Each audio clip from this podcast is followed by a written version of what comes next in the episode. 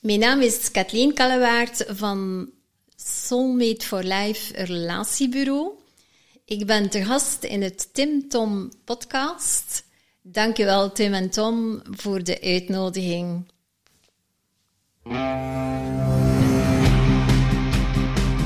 Welkom bij de Tim Tom podcast. Ik ben Timothy En ik ben Tom.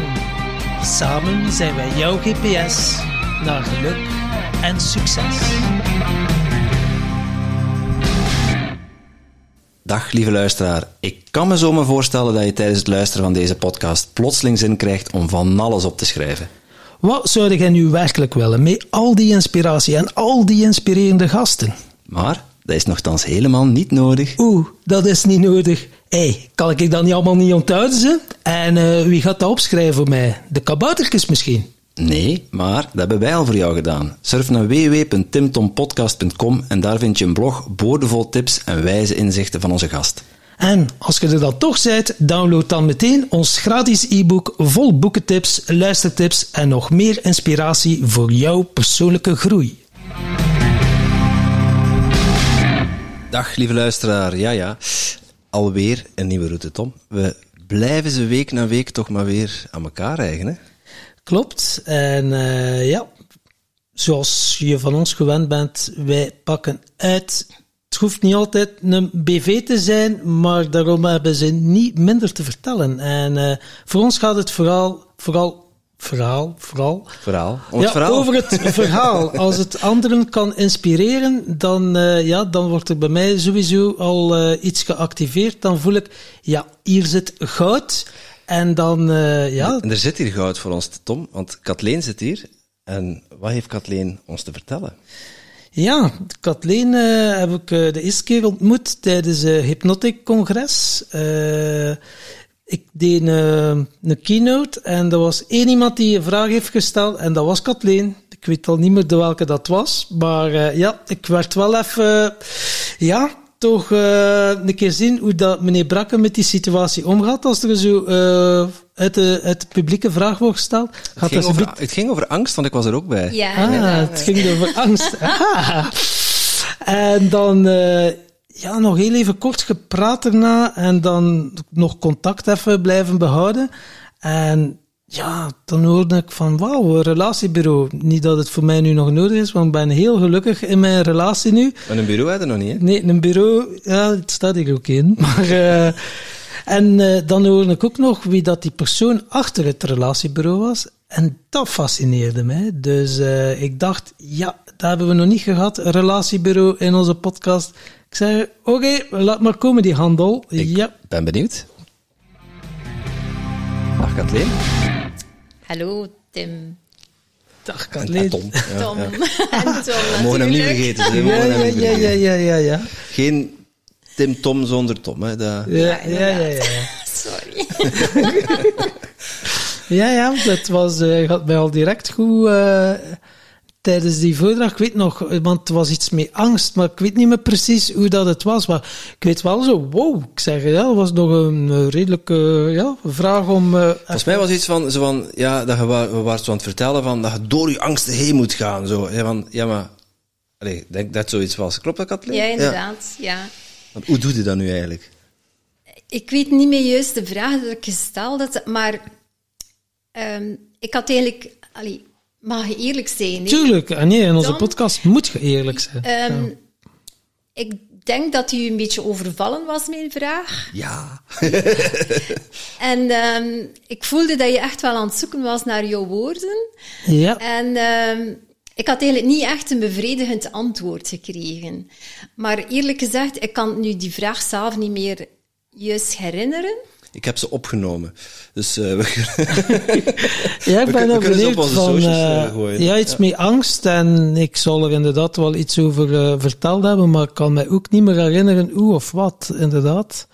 Maar ik zat in mijn verhaal en ineens, ja, standaard, uh, ja, of jij stak je hand op en oké, okay, even een vraag en dan zo, wop, oké. Okay. En uh, ja, boeiend om dat ook te ervaren. Wat dat, dat met mij deed, zo van, wow. En dan voelde zo al die gezichten op mij gericht, krijg hier een vraag, al die ogen en zo. Ja, en dan begint te vertellen. En dan merk ik, want terwijl dat ik nu terug ga naar dat moment, is dan precies iets automatisch piloot of dat je met de mind dingen die je geleerd hebt of zo, dat je dat gaat geven. Terwijl dat ik het niet vanuit de plek zou vertellen dat de, waar, waaruit de, de waarheid of de puurheid zit, die authenticiteit. En uh, ja, dat is dus zo. Je hebt zo verschillende mechanismen. Als er iets wordt gevraagd, pap, standaard antwoord. En nu, terwijl ik het aan het vertellen kwam, dat vanuit die plek. En niet zo van, even mijn tijd nemen, even op invoelen. Ik had ook maar 40 minuten. Ik dacht van, oké, direct tak, tak, tak, tak. Dat zijn nu de antwoorden. Voilà, Kathleen, doet er uw voordeel mee. Maar niet even 30 seconden stil of een minuut zo. Oeh, wat doet die vraag bij mij? Oh, wat zit eronder? Dus uh, dank u wel om mij daar ook weer uh, van die feedback te voorzien. Ik neem het sowieso mee. Dus uh, merci. Ja, ik denk ook dat je op dat moment niet in jouw eigen gevoel zat. En, um, en dat voelde ook dat dat, dat niet allee, vanuit jou kwam, mm -hmm. antwoord. Um, Klopt, onze mind. Maar ja, het, het is oefening. Hè. Uh, ik weet niet als je al veel voor een publiek gesproken had. Um, dat, is altijd, dat is niet altijd zo evident. Um, en ik mag mij ook niet laten leiden door de tijd. Je wilt dan een en ander vertellen ja. op 40 minuten, dan komt een vraag en dan heb je, ah ja, dat en dat wil ik ook nog vertellen. En dan wil je zo snel, snel. En kijk, dat is een hele mooie les, omdat het publiek niet weet wat dat je gaat vertellen. Mm -hmm. Dan kun je ook een stuk skippen gewoon, maar echt wel de tijd nemen, ja. zodat het authentiek. Dus uh, ja, voor alle luisteraars trouwens, uh, ja, een tip van, uh, doe, hey, doe het niet allemaal met de mind, maar de, want je wordt toch ontmaskerd. En ik, mensen was, ik, was, ik was de toeschouwer. Hè, dus ja, ik, inderdaad. Ja, ik, ik, was ook heel blij dat ik niet in Tom zijn schoenen stond, want ja, Tom was iets aan het vertellen over uw angst. Het, het was hypnotic, hè, dus het ging over, over hypnose, zijn ervaring als hypnosetherapeut. En uh, hij was bezig met een anekdote over uw angst, uh, u niet laten overmannen door uw angst. Daar ging het om. Uh, dat je je angst groter en kleiner kunt maken door het visueel voor te stellen en het ver weg te zetten of het zwart-wit te maken. En daar kwam jouw vraag uit voort. En het was iets in de trant van, hè, van door je angst heen gaan, hoe, hoe, hoe doe je dat dan? Hè? Je, je, de angst verder weg van je zetten. Het was, ja, ik weet, maar ik kan het niet meer juist zeggen, maar het was, het was iets die, niet, die voor mij niet klopte, van dat ik dichtbij en ver weg, er was iets die niet klopte voor mij. Ja. En vandaar die vraag dat ik gesteld had. Dat... En, en, maar, maar het, is, het, klopt heel goed, want ik, ik, hoorde Tom antwoorden. Ik dacht, dit is, dit is één, dit is niet het antwoord op de vraag. En twee, Tom, je hebt niet geluisterd naar de vraag. Ik voelde hem heel hard. Ik dacht, ja, ja, ja.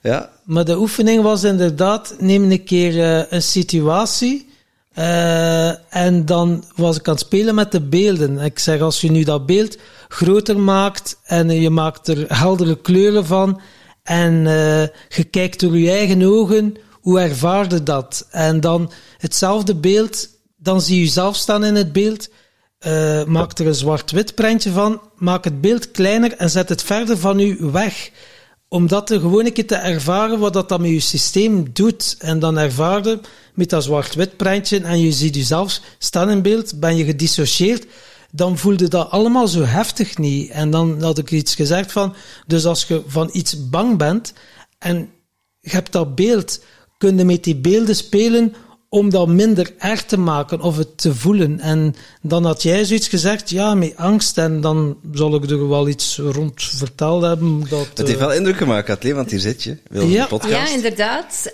Um, het had mij wel ergens getriggerd. Um, ik heb je dan nog even kort gesproken, mm -hmm. achteraf.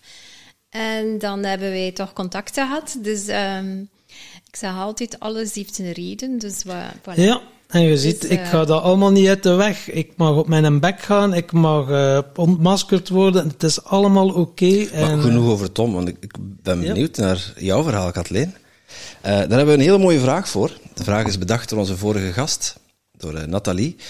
En die vroeg zich af, waarvoor kom jij uit je bed? Waarvoor kom ik uit mijn bed?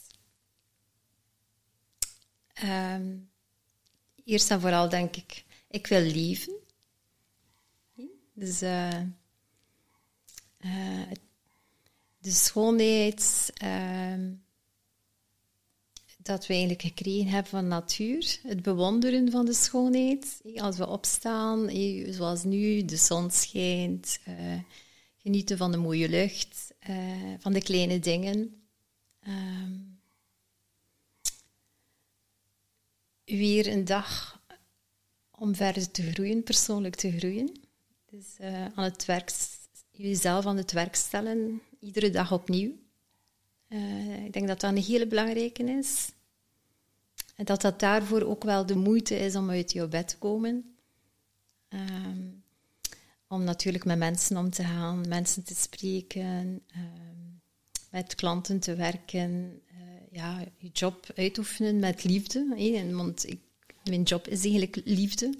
Ehm, ja, ik denk dat dat wel de moeite is om eh, uit je bed te komen. Daarvoor uit je bed te komen, ja.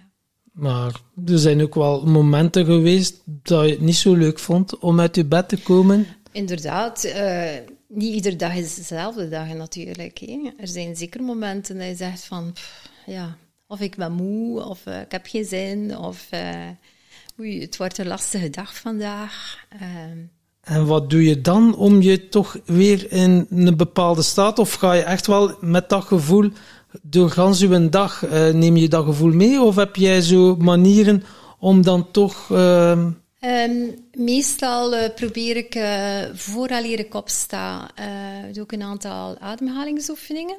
Om eh, eigenlijk tot in de kern te komen, tot rust te komen met mezelf. Ehm, doe ik vaak eh, een korte meditatie s morgens ehm, vanuit mijn bed. Soms is dat maar vijf minuutjes, dat is ook oké. Beter, Ik zeg altijd beter vijf minuutjes dan niets. Ja. Ehm, Zeker. ehm, ja, kort over de dingen nadenken. Ehm, Welke dingen? Ja, dat kan heel verschillend zijn. Hè. Eh, dat kan zijn van, ja, hoe ziet er mijn dag uit vandaag? Kan ook zijn van, voor wat ben ik dankbaar? Dat vind ik ook heel belangrijk, s'avonds, s'morgens, hè, voordat je slaapt, eh, als je wakker wordt. Hey, eh, dank je wel voor hey, eh, de verschillende dingen dat je ja, voor jezelf kunt bepalen waar je dankbaar voor bent. Eh, dat vind ik heel belangrijk. Ehm, ja, ik denk dat dat de, ja, de dingen zijn dat ik s'morgens doe vooral dat ik wakker word. Ehm, ja. Mhm, dus eigenlijk wel een soort ochtendroutine, Ja. wat ademhalingsoefening, dankbaarheidsoefening, korte meditatie en dan... Voor ik slapen ga, leg ik ook altijd een meditatie op. Om in- en dan val je misschien wel in slaap, maar dat is oké. Mhm. wordt toch opgenomen door jouw onderbewustzijn. En dat is toch een goede manier om tot rust te komen, ook, vind ik. Ja, Zeker. Want, ja, eigenlijk goed opstaan begint al voor het slapen gaan. Hè? ja inderdaad. Ja. En het onder, onze wo- meditatie, dat we in slaap vallen. eh, er zijn misschien veel mensen die denken van, ja, maar dat is toch niet goed om met iets van, van geluid in uw oren in slaap te vallen. Kun je jou zeggen, dat wordt opgenomen door het onderbewustzijn. Kun je, kun je uitleggen wat je daarmee bedoelt? Ehm, nu, ik zet niet met oortjes hoor. Ehm, ik leg gewoon mijn gsm naast mij en ik leg eh, meestal de meditaties op van eh Mike Pilarski. Ja, meditation Ja, moments. dat is, ja. ja. Ja. Het is al jaren dat ik eh, ehm, die meditaties eh, doe. En ik vind ze ehm, heel aangenaam, omdat hij ook een hele mooie stem heeft. Een heel zachte stem. Hm. Ehm, ik ben even die vraag kwijt. Eh, ja, wat je bedoelt met eh, dat een meditatie de- wordt opgenomen in je onderbewustzijn. Ja, wij hebben ons bewustzijn, onder, onderbewustzijn. ehm, veel dingen ehm, waar, we, waar we ons niet van bewust zijn, maar die er wel zitten uiteindelijk. Eh, dat kan al natuurlijk vanuit onze jeugd zijn, ehm, ook vanuit vorige levens. Dus iedereen is daar vrij van om daar wel of niet in te geloven, natuurlijk.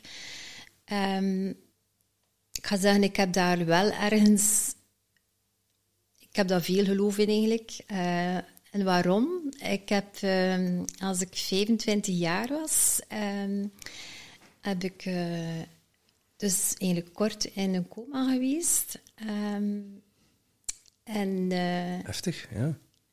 als ik, als ik daar, allee, dat is, ik, ik kan niet zeggen, het was kort, het was misschien een kwartier, een half uur, ik weet het niet, of een uur, ik, ik kan het niet zeggen, ik weet het niet meer. Ehm, en dan heb ik eigenlijk in de tunnel van het licht gezeten. En voor mij heeft dat mij zo geraakt. Uh, ik had daar wel nog van gehoord, maar ik spreek nu echt wel van een hele veel jaren terug. Uh, toen was er daar gewoon niet over gesproken. Internet bestond nog niet. Uh, ik ben eigenlijk dan op zoek geweest, in de bibliotheek gaan kijken, boeken gelezen. Er mocht dat niemand zien, want uh, mochten ze denken, misschien is die precies uh, niet meer juist in haar hoofd van uh, zo'n dingen te gaan mhm. lezen. Um, en ik herkende dat helemaal in die boeken, wat ik gezien, gevoeld had. En vanaf dan, in feite, ben ik eigenlijk aan de slag gegaan. Heb ik uh, eigenlijk mijn eerste boek over het spiritueel was eigenlijk van de Louise Hay. Je kunt je leven helen. Mhm. Eh, ik vond dat een fantastisch boek. Ik geef dat heel vaak mee aan mensen die zeggen van ja, hoe moet ik daar nu eigenlijk aan beginnen? Omdat dat heel eenvoudig geschreven is en je kan daar voor jezelf heel veel uithalen, ook van affirmaties en dergelijke meer. Ehm, en van daaruit heb ik stilletjes aan op zoek gegaan om nog meer info te krijgen, nog meer lectuur. Uh, dat natuurlijk ook toepassen, want ja, als je het niet toepast natuurlijk, zal het niet werken. Kun je ons nog eens meenemen naar dat, naar dat moment? Uh, want ja, je, je, vertelt van ik ben in, in een coma geraakt. Wat, wat, is er gebeurd dat je in een, in een lichte coma bent geraakt? Um, ik moest uh, een operatie... Dat geef ik er zelf aan nu, maar... Ja, ik moest een operatie ondergaan en... Um, de dokter uh, moest uh, een vloeistof inspuiten en hij had gezegd als je jou niet goed voelt, zeg het mee. Natuurlijk, ik ben nog opgevoed van niet te veel trenden. Hey, mijn hand op hm. zijn kortreeks zijn. Ja. um, dus ja, ik zei niks en ik was weg. Ik kon niks meer zeggen. Nee, nee, inderdaad. En voilà, dus van daaruit uh, heb ik dat mogen.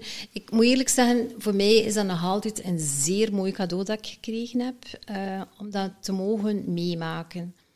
En vandaar ben ik ook heel blij en dankbaar uh, dat ik weet dat sterven absoluut, allee, dat je daar echt niet bang voor moet zijn.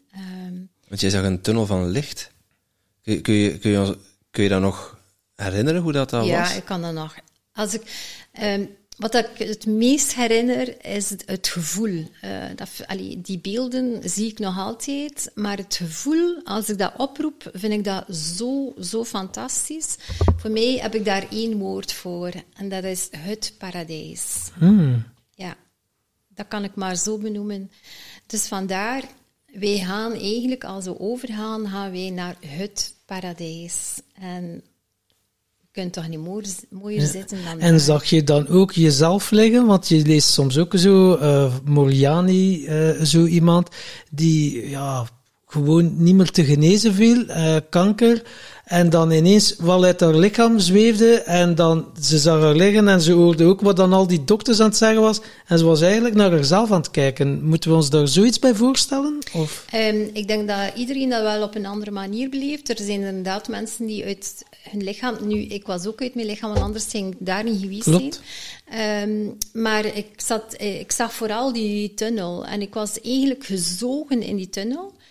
Um, heel bizar, maar ja, blijkbaar was het niet het juiste moment voor mij om te gaan. En werd ik eigenlijk allee, terug geduwd uiteindelijk. Um, dat was, uh, en ik, ik, allee, ik, ik had het gevoel, als ik, dat, ik hoorde dan in de verte die dokter zo uw, naam heel te roepen. En op dat moment, allee, natuurlijk, ik heb dat niet uitgesproken, was ik eigenlijk echt kwaad op die dokter dat hij mij teruggeroepen had. Hmm. Dat is ongelooflijk, maar daaraan voelde je van, nee, nee daar wou ik zijn. Um, maar blijkbaar was het nog niet het moment. Nu, ben ook dankbaar dat ik Ja. ben. hè. Hebt u nog iets te doen? Ja, voilà, ik had nog veel te doen blijkbaar. Ehm, maar ik wil wel meegeven dat mensen absoluut niet moeten bang zijn om te sterven, omdat ik dat heel vaak hoor. hé, Je bent bang om dood te gaan. Maar het is, je moet echt niet bang zijn, want het is zoveel mooier. Want als ik iemand zie ehm, die aan het sterven is, of weet dat hij, zij of jij aan het sterven is, dan denk ik van... Allee, wees gelukkig, je gaat over, gaat op een hele mooie plaats zijn. Hé, ik stuur je veel licht en liefde en ga maar. hé. Dus eh, het is oké daar. Dus eh, dat vind ik... allee, En waarom denk je dan zoveel mensen bang zijn voor de dood? Het onwetende, denk ik. Van, en dan, waar gaan we naartoe? Eh, ze gaan ons daar in de put steken, in die kist. Ehm, Ja. En ook als je niet bezig bent met ehm, het innerlijke, het spirituele, van, dat je niet beseft bijvoorbeeld dat we allemaal een ziel hebben, hé, met een lichaam en een ziel. En dat eigenlijk ons lichaam is die we kwijt zijn, maar onze ziel besta blijft bestaan. En ik denk, als je dat niet beseft, dat dat wel beangstend kan zijn. Ja. Ja. Mooi. Ja, en ik denk zelfs dat de meeste mensen niet bang zijn om dood te gaan, maar bang zijn om te leven. Ook, Om voluit te leven. ja. Inderdaad. Jouw, jouw spirituele reis is, eh, is begonnen met, ja, met die comateuze ervaring, of bijna doodservaring, zoals ze dat ook noemen. Eh, kun je ons meenemen verder op het pad? Want je bent dan ja, in, in een tijd dat het eigenlijk ja, quasi verboden was om, om dat soort dingen te gaan eh, onderzoeken, toch op onderzoek uitgegaan. Wat, wat heeft dat jou opgeleverd? Wat, waar heeft dat jou gebracht? Ehm, nu, als kind zijnde had ik altijd al het gevoel ehm, dat ik een stukje anders was. Ehm, werd altijd, allee, door mijn moeder vooral, gezegd van, jij bent de speciale van de familie. Ehm, maar nu begreep ik dat volledig, omdat ik, ehm, omdat ik eh, ja, die, dat spirituele, die diepgang, dat zat in mij. Ehm, en ik wist wat dat ik wou. en ik moest altijd in dat reetje lopen en doen wat dat, allee, mijn ouders zeiden. Terwijl dat ik altijd het gevoel had, maar nee, dat is niet mijn weg, dat, dat wil ik niet. En dat botst natuurlijk. Ehm, en vandaar ehm, ben ik dan eigenlijk echt wel op zoek gegaan naar mezelf. Wie ben ik uiteindelijk? Ehm, nu, dat is een, een hele reis met vallen en opstaan. Eh, ik denk maar niet, allee, ik vind dat niet, zeker niet het makkelijkste pad. Ehm, soms is het beter van niet te veel te denken en te voelen dan eh, in het oppervlakkige leven, want dan is het allemaal olé olé. Maar eh, Hoe minder je weet, hoe beter. Ja. Ehm, maar als je eigenlijk eh, in de diepte gaat, dan eh, kom je wel veel tegen. Ehm, en dan is het het moment eigenlijk om ja, de dingen aan te pakken, om op te ruimen, om weer een laagje af te pellen en eh, altijd maar dieper te gaan. En die reis is nooit voorbij. Ik merk altijd, en ik vind het altijd fantastisch om te zien ehm, en te beseffen, ah wow, ik heb nog een nieuw inzicht gekregen. Of, ehm, ja, ik zie het wel anders nog. Ehm, ja, ik denk als, als, we, honderd worden, dat we nog aan het leren zijn. En voor jouw programmeringen, want ja, we zijn allemaal geprogrammeerd geweest door onze ouders, hè, conditioneringen, die beschermingsmechanismen om niet dat laagje dieper te gaan. Eh, hoe ga jij ermee om? Hoe, want ja, je hebt nu wel al een eh, serieus wat proces eh, afgelegd of een pad bewandeld. Eh, wat tips kan je de mensen meegeven? Want ja, met mijn mind is het wel allemaal leuk en aardig om dat te weten. Ja, ja, voelen, naar binnen keren. Maar er zitten zoveel programmeringen in die ervoor zorgen, oftewel gaan ze zich verdoven of ik weet niet wat, wat dan ze allemaal gaan doen, om niet naar dat te gaan wat dat eigenlijk wil gezien worden. Wat geef jij de mensen als raad mee? Of wat, wat, wat, helpt voor jou? Wat werkt voor jou? Ehm, ik denk dat het vooral ook belangrijk is om ehm, eh, te kunnen alleen zijn. Ehm, ik merk onder mijn klanten. eh, bepaalde klanten ehm, kunnen daar vrij goed aan. Ehm, soms hoor ik ook van, ja, ik kan niet alleen zijn. Ehm, dan eh, dan eh, voel je ook van, oké, er is hier nog, ik noem dat dan werk aan de winkel. nu, ik geef ook eh, coaching, dus ik, ik werk met mijn drie trajecten, de bloem, sorry, die match, de bloem en de shine. Dus, eh, en dan gaan we eigenlijk echt gaan eh, in de diepte werken met eh, het bloemtraject ook, om, om te zien van wat speelt er bij de klant, wat zijn eventuele patronen die steeds terugkeren, wat zijn de valkuilen, de belemmerende overtuigingen. en we gaan ze eigenlijk echt wel gaan bekijken en benoemen, ook de valkuilen. Ehm, wat dat soms heel confronterend kan zijn voor de persoon. En dan gaan we gaan zien van, ja, hoe pakken we dat nu effectief aan? Vind ik wel een hele belangrijke. ehm, en ik voel ook wel dat de ene daar makkelijker mee om kan dan de ander. Met die eenzaamheid. Of met mij alleen zijn, of wat bedoel je? Ehm, nee, het, de, het traject eigenlijk volgen van eh, in de diepte te gaan kijken. Ehm, als je er nog niet echt klaar voor bent, zal het iets moeilijker zijn. Maar allee, ik merk en ik hoor altijd van, ja, ehm, ik heb enorm veel tot inzicht gekomen. Het heeft mij allee, eh, echt in beweging gezet. Ehm, ehm, ik zeg altijd, het is een weg naar. Dus, maar je moet het zelf doen. Dus ik kan allee, veel aangeven en, en, en eh, kijken wat, wat dat de mogelijkheden zijn. Maar uiteindelijk, daar stopt het niet. Dan pas begint het. En, en ik zeg altijd aan de mensen, een keer dat je op die trein springt, ja, kun je er niet meer vanaf. Dan Nee. is het voor de rest van je dagen. En dat is de keuze die je maakt. hè. Dus, ehm, En op welke trein zit je? Zitten op een sneltrein of zit op de boemeltrein en genieten Ja. van, eh, van de weg? Eh, dat is dan ook nog een Ja. verschillende ervaring. Ja, dat is ook wel iets van, ehm, je, moet niet gehaast zijn. Hè. Ehm, heb altijd iets, dat is een curve, hè, dat gaat omhoog. Dus eh, je hebt zo'n momenten van, ah, ik voel me echt wel. En toen plots heb je zo het gevoel van, oh, voor het moment, ja, ik denk dat iedereen dat wel heeft, van eh, ik heb nu geen zin om te mediteren, of ik heb nu geen zin om een keer stil te staan bij mezelf, en dat is allemaal oké. Nee, En dan eh, ga je weer een stukje naar boven. En dus, maar die jaren gaan, allee, door de jaren heen zie je dan echt wel, je komt vandaar, maar je hebt al een hele weg afgelegd. Dat vind ik wel heel belangrijk. Ja, de meeste mensen beseffen dat niet, hè? Nee. Het is altijd van, eh, ja, ik ga niet vooruit. Maar kijk even, kijk even van waar je komt. Ja, kijk eens achterom. Ja, Voor pad heb je al bewandeld. ja, absoluut. En dat hoeven niet allemaal positieve, leuke dingen te zijn, want ja, er zit ook heel veel goud in tegenslagen die je tegenkomt en die je dan toch maar mooi overwonnen hebt om te staan waar je nu staat. Ik denk dat je uit je tegenslagen het meeste leert. Ja, als het allemaal succes is, ja, daar leer je niet veel uit hoor. Ehm, ja, het is leuk, maar ehm, Ja, Toch is Ja. dat wat we vaak nastreven, hè? ja. Ja? eh, ja, wel, dat is nu de dag van vandaag. We moeten allemaal gelukkig zijn, we moeten allemaal succes hebben.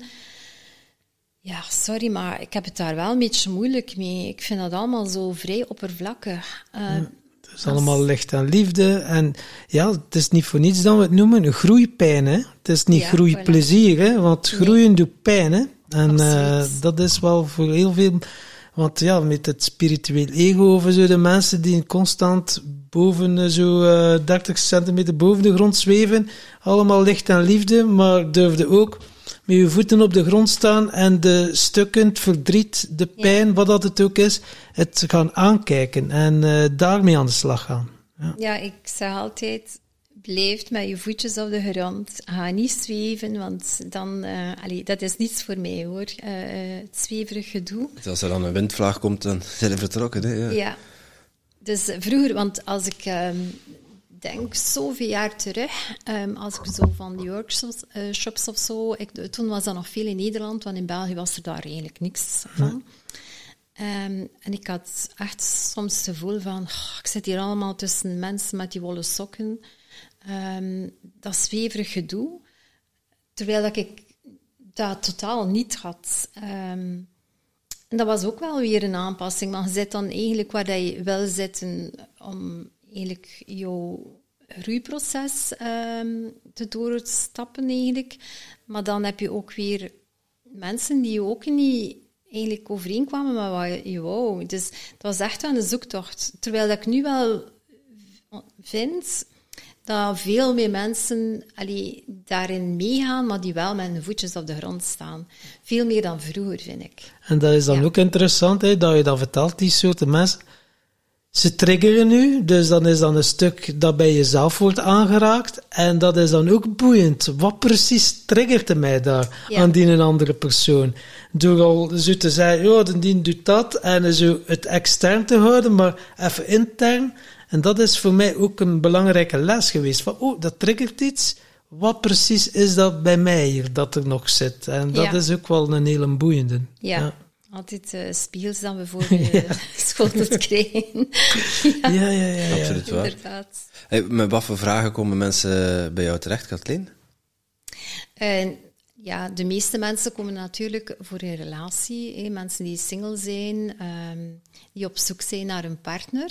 Ehm, ik, ik begeleid ook wel koppels, eh, dus mensen die met relatieproblemen zitten. Ehm, en mensen die alleen zijn, eh, die ja, ook wel eh, het traject wel doorlopen van oké, ik weet, ik voel, ehm, bepaalde mensen zijn nog niet lang alleen. Er zijn wel mensen die al soms jaren alleen zijn, die zeggen van ja, ik, vind niet mijn partner. Ik ben een ondernemende man of vrouw, maar allee, in mijn vriendenkring vind ik niet direct iemand. Ehm, ik ben druk bezig, ik heb geen tijd om uit te gaan. Nu met corona was er dan nog een stilstand daardoor ook. Ehm, dus ja, wij willen ons eigenlijk laten begeleiden. En we vinden het ehm, wel leuk dat het professioneel gebeurt ook. Ehm, in een relatiebureau, het voordeel is dat mensen die zich inschrijven, zijn mensen die eigenlijk allemaal serieus op zoek zijn naar relatie. Ik zeg altijd, die eendagsvliegen heb ik niet. Dat komt niet bij mij. Ehm, dus eh, dan gaan mensen in feite ehm, meestal het traject gaan volgen van eh, de bloem of de shine. Want ik heb altijd iets van, als je een eerste goede indruk wilt nalaten, maak dat je er ook staat als persoon, dat je verzorgd bent, hé, dat je netjes gekleed bent, ehm, de juiste kleuren draagt. Ehm, dus ik heb eh, vroeger in de, allee, in kledingzaak gehad. dus vandaar, ik heb duizenden mensen gekleed. Ehm, dus ja, die styling voor mijn klanten kan ik perfect doen. Dus eh, daarnaast ook, ook eh, personal shopping. En ik vind het altijd wel heel leuk om met eh, mannen of vrouwen eigenlijk te gaan shoppen. En hen eigenlijk effectief, al bijna uiterlijk een ander mens te maken. Zonder allee, dat ik hun persoonlijkheid ga veranderen. Maar eigenlijk dingen aanreik allee, waar dan ze eigenlijk veel krachtiger staan als mens. Kleden maken de man, zeggen ze. Ja, de juiste kleuren, want kleuren zijn toch ook zo belangrijk. Ehm, ik zag eigenlijk gisteren nog een minister op, eh, op tv en ik dacht, oh, ik- je kleuren staan je toch echt niet. Hè? Dat is iemand die altijd de verkeerde kleuren draagt. Maar ik vind dat zo belangrijk. Als je zo eh, een functie hebt, draagt hem allee, de juiste kleuren. ehm, het juiste mode, allee, de juiste modellen eh, ja, volgens jouw lichaam en dergelijke ook. Ehm, Ja, zij dat verwarrende signalen afgeven is toch typisch iets voor een minister. Dus dat past dan weer. Hè. ja, inderdaad. Ja, en ik denk dat ook, zo die zever dat uit uw mond komt, dat past nu toch echt niet in deze hedendaagse tijd. Hè. Denk ik dan bij mezelf. Maar, ja. ja, wij hebben het alleszins, we vragen in het begin van onze eh, podcast, waar willen we het alleszins niet over hebben. Bij ons is het politiek. Ja, daar doen we niet aan mee. Nee, deze. maar dat- hoeft ook niet. Nee, Nee, zeker nee, niet. nee, nee, maar het dat ging is over waar. kleuren. Hè. Het is waar, ja, ja, Ja. over de kleur. Ja. Ja, ja, maar dat is een goede. eh, bijvoorbeeld, ehm, eh, welke vragen kan ik stellen op een eerste date? hè? Dus ga nooit over politiek gaan spreken op een date, hè? want eh, dat kan falikant in je gezicht terechtkomen. Tenzij je een date is op een partijcongres van uw favoriete partij natuurlijk. Dus, Het, het ligt, het ligt aan, de, aan de context natuurlijk. Maar, Ja. Oh, wat zijn goede vragen? Ja, dat wou ik net vragen. Ja, Voilà. Dat is een goede vraag, Tom. ja goede vraag. Wat zijn goede vragen? De small Ehm, talk. ik denk dat je vooral... ehm, nu, de mensen krijgen elkaars profiel. Ehm, nu, het profiel dat ik doorgeef... ehm, er staat daar eigenlijk niks in die in eerste instantie niet mag geweten worden. In die zin van, we zijn vrij discreet de- in de informatie dat we doorgeven. Nu, je kunt daar al gauw uithalen van ehm, iemand die bijvoorbeeld eh, graag reist of, eh, of bijvoorbeeld, eh, ik zeg maar iets, gaan zeilen of een autosport. Of, Wat voor type zoogdier het is. Ja. Of wat voor type zoogdier het is. Dus, Ja, eh, gewoon, heel eigenlijk een beetje, een de standaard dingen die je dan op een, eh, op een profiel zoals, ik zeg maar iets, Facebook of zo, ook gewoon kunt lezen. Zo het openbaar profiel, zeg maar. Eh, ja, iedereen... Ik kijk nooit naar de ander. Ik doe alles op mijn eigen manier. Eh, ik ga nooit kopiëren. Eh, voor mij voelt dat niet goed. Ehm, alles gebeurt vanuit mijn buikgevoel. Eh, mijn- allee, ja, van, dat is ook gegroeid van toen der tijd. Dus eh, mijn intuïtie... ehm, we hebben allemaal een bepaalde intuïtie. Eh, ik zeg altijd, hoe meer dat je ze gebruikt, eh, hoe krachtiger ze wordt. Mooie Ehm, tip. Ja. Iedereen zal wel elke gevoel hebben van, ah, ik voel, mm, ik ga zo dat beter wel niet doen, maar dan doe je dat toch. En dan denk je, ah, zie wel, ik wist het dat ik dat niet mocht doen. En eh, dat heb ik echt geleerd. Als ik mijn intuïtie zegt, niet doen of wel doen, dan ga ik het ook volgen, omdat ik weet dat het eh, niet oké is. Oké, dus je, je hebt dan een gesprek met iemand en op basis daarvan maak je een profiel op en die profielen die match je aan elkaar en die geef je dan aan de Ja, potentiële dus ze krijgen elkaars profiel. Ehm, noemen? dan Ja. kunnen zij ehm, afspreken met elkaar. De mensen zijn vrij om waar en wanneer af te spreken. Nu, het beste is in feite altijd ehm, om iets actiefs te doen. Eh, niet direct op restaurant te gaan. Ehm, we worden geconfronteerd. We zitten tegenover elkaar en is moeilijker om een gesprek te voeren voor bepaalde mensen. Ehm, dus eigenlijk het beste is, zeg ik altijd, van ga wandelen aan de zee, ehm, je loopt naast elkaar, het gesprek gaat veel vlotter zijn, ehm gaat ook een ander gesprek gaan voeren en je zal ook jou vrijer en opener voelen om eh, een gesprek te voeren. Achteraf kan je natuurlijk nog iets gaan drinken of iets gaan eten, maar het is die eerste stap eh, die belangrijk is. Ehm, Ja, want mensen die zo ja, misschien al langere tijd alleen zijn, ja, oftewel is het een bewuste keuze, kan ook wel, maar die hebben meestal moeite om zich te presenteren of die zijn enorm onzeker, denk ik dan bij mezelf. dat is niet altijd zo hoor. Oké. Nee. Ehm, als ik merk allee, welke mooie profielen dat ik heb van mensen die... ehm, dat is meestal dan vrouwen die al langer alleen zijn of jaren alleen zijn. Die hebben zo'n mooi profiel. Ehm, mannen zijn daar gewoon bang van. Dat is het probleem. Dan denk ik, die mannen toch, allee, hoe is dat nu mogelijk? Angsthazen. Kijk, eh, kijk dan een keer door. Want uiteindelijk, dat kan een sterke vrouw zijn, maar dat is ook een vrouw met gevoel. ehm, iemand die... Allee, als ik soms vrouwen hoor praten bij mij, hé, als, ze, als ze binnenkomen, hé, iemand die daar staat en hé, alles. Maar hoe klein ze dan zijn, een keer als ze echt... Allee, hun hart blootleggen. Dat je zegt van, wow, moet ik kijken wat een mooi mens dat hierachter zit. En ik denk, allee, ik ben daar eigenlijk van overtuigd, dat mannen niet genoeg de moeite doen om eigenlijk een dame te gaan doorgronden. Om te kijken, wat zit er achter die face? Ehm, en een keer dieper gaan kijken. Het probleem is dat mannen altijd een beetje bang zijn. Dat hoor ik ook bij mannen. Van, mijn man wil geen nee horen. Afwijzing. Afwijzing. Ehm, maar uiteindelijk, ja... Ik vind, ik vind dat het... Allee, als je nu afgewezen wordt... Allee, je kunt toch niet op iedereen verliefd worden? Maar kijk dan... Sommige mannen wel, ze. Ja, maar dat zijn dan niet de mannen die wij moeten hebben Nee, eigenlijk. nee, hè. nee, nee. Ehm, ik vind het belangrijk dat je voor jezelf weet van... eh, ja, wie ben ik? Wat verwacht ik uiteindelijk? Ehm, en durf ik eigenlijk een keer een stap verder gaan kijken. Want ik heb zo het gevoel, zeker mannen, die... Ja, het is altijd van, eh, ja, ik moet een mooie vrouw hebben en een slanke vrouw en een, een, dan liefst een vrouw die iets jonger is.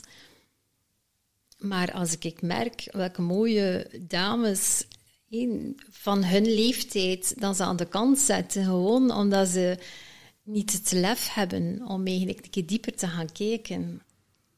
Ja, en mannen, ja, dat is ook wel Ja. belangrijk om in je kracht te staan als ze een sterke vrouw is. En ja, in het verleden heb ik dat ook wel gehad. Dan ga je al snel in de pleasersrol. En als het iets is dat een vrouw niet zo leuk vindt, is dat je gaat beginnen pleasen. En jij denkt dan dat het doet om goed te doen. En dan gaat je alles gaan beginnen doen wat dat zij leuk vindt. En dan verlies je zelf je identiteit, want dan weet je niet Ja. meer wie dat je bent. En eh, ja, hoe, hoe, wat, wat tips geeft het dan aan zulke mannen zal je waarschijnlijk ook over de vloer krijgen.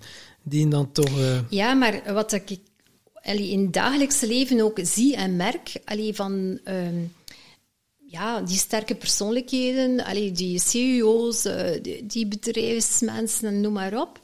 Ehm, al, je moet eens kijken, eh, vaak zie je de vrouw naast hen is niet de sterke vrouw. Ehm, is eigenlijk iemand was, dat ze eigenlijk... ja, voor dat netjes te zeggen. ehm, zij willen eigenlijk iemand die een trapje lager staat dan hen. hè. Ehm, vandaar die, dat die sterke vrouwen het moeilijk hebben om allee, te connecteren met zo'n man. Omdat die man eigenlijk wil dat die vrouw eigenlijk een trapje lager staat. Ja, volgzame, lege huls die ze, die, Ja. waar ze boven staan, waar ze ja, de baas over kunnen zijn. En die is eigenlijk alleen maar goed voor het huishouden en voor te koken en voor de kinderen te zorgen. Mag ik het zo? Zal ik het zeggen dan? Ehm, ja, Ehm, maar wat ik ook maar bijvoorbeeld, mannen eh, willen eigenlijk niet dat de vrouw meer verdient. Dat heb ik nog al gehoord. Ja, ja, ja. Dus, en vaak allee, heb ik ook vrouwen die eigenlijk echt wel heel goed een boterham verdienen. En die dan zeggen, ja, maar ja, kom ik dan een keer een toffe man tegen. En eh, die heeft dan een probleem, omdat ik meer verdien dan hè, hem. En Ja. uiteindelijk... eh, dat, ik, ik noem dat allemaal, dat is allemaal de buitenkant. Maar waar dan mensen niet naar kijken, is van, kan ik emotioneel connecteren met die persoon? En ik denk dat dat de kracht is ehm, om een goede relatie op te bouwen. Ja, fysieke aantrekkingskracht is één ding, maar het emotionele, mentale en spirituele, het zijn Ja. de vier componenten dat wel belangrijk is uiteindelijk. En Ja. als je ook, ja, als vrouwen te veel in hun mannelijke energie staan, ja, dan eh, betekent, ja, als man mogen er ook wel gaan staan dat een vrouw dieper kan zakken en meer in die vrouwelijke energie kan gaan, dat ze zich kan overgeven uiteindelijk. Inderdaad, maar dus dat is een werkproces. Ehm, en al te vaak merk ik ehm, dat mensen te snel in een relatie stappen. Als je na twee, drie keer iemand gezien te hebben een relatie start, ja, ten eerste, die emotionele connectie is er nog niet. Ehm, je kent die persoon totaal niet. Je weet niet wie is die persoon effectief, want je weet ook, eh, je leert echt maar iemand kennen één na een jaar of zo. Ik zeg nu niet dat je een jaar moet wachten, nee. maar ehm, het is toch wel eh, belangrijk om eh, in de diepte te gaan graven, hé, van wie ben jij, Ehm, eh, wat zijn jouw verlangens, Eh, wat verwacht je nog van het leven, hoe zie je je relatie, Ehm, kunnen wij inderdaad connecteren op lange termijn? Dus ik denk dat dat een hele belangrijke is. Dat zijn goede vragen. Ja. Dus En dan heb je ook wel altijd van die vlotte praters, hè, dan mannen wel precies weten wat dan ze moeten zeggen. Hè, om, eh, ook bijvoorbeeld een, een vraag ehm, vind ik wel belangrijk van hoe ga je om met communicatie? Wat is communicatie voor jou? Ehm, ehm, het is makkelijk om te zeggen, ja, ik ben een vlotte prater. Ja, maar ja, oké, daar ga je niet ver mee brengen natuurlijk. Het gaat erover van, ja, kunnen wij samen in de diepte gaan eh, communiceren uiteindelijk. En als er ehm, zich iets voordoet, ehm, ga jij weglopen of gaan we het aanpakken en kijken wat, hoe kunnen we er samen uitkomen. Ehm, ik denk dat dat een hele belangrijke is. En hoe, hoe komt het, denk je, dat, dat mannen, ik wil ze niet allemaal over één kam scheren, eh, maar het type wat je net omschreef, hoe komt het, dan, denk je, dan die zo bang zijn van een sterke vrouw? Ehm, ik denk dat dat een stukje al uit de opvoeding komt, maar mannen zijn, ja, vanuit de oertijd bekeken, ja, mannen staan nog altijd ergens boven de vrouw. Allee, dat zit in onze genen blijkbaar. Ehm, de man wil nog altijd, ja... Provide. Ja, provide, boven ja. de vrouw gaan staan. Uh, zij wil, ze, ze willen beschermend zijn voor de vrouw. Hè? Dus, um, maar dat past niet meer helemaal in het plaatje van vandaag. Hè? Want iedereen, allee, of de meeste mensen, werken nu met twee. Um, de taken moeten meer verdeeld worden. Vroeger was de moeder aan de haard, maar dat klopt allemaal niet meer. Um, dus er is daar wel een verschuiving. Um, dat is wel iets die, denk ik. Zo, dat stereotype mag eigenlijk overboord. Ja, maar dat doe je niet zomaar natuurlijk. Hè. ik denk dat het vooral belangrijk is ook van. ik, ik heb altijd iets, oké, okay, je hebt je opvoeding.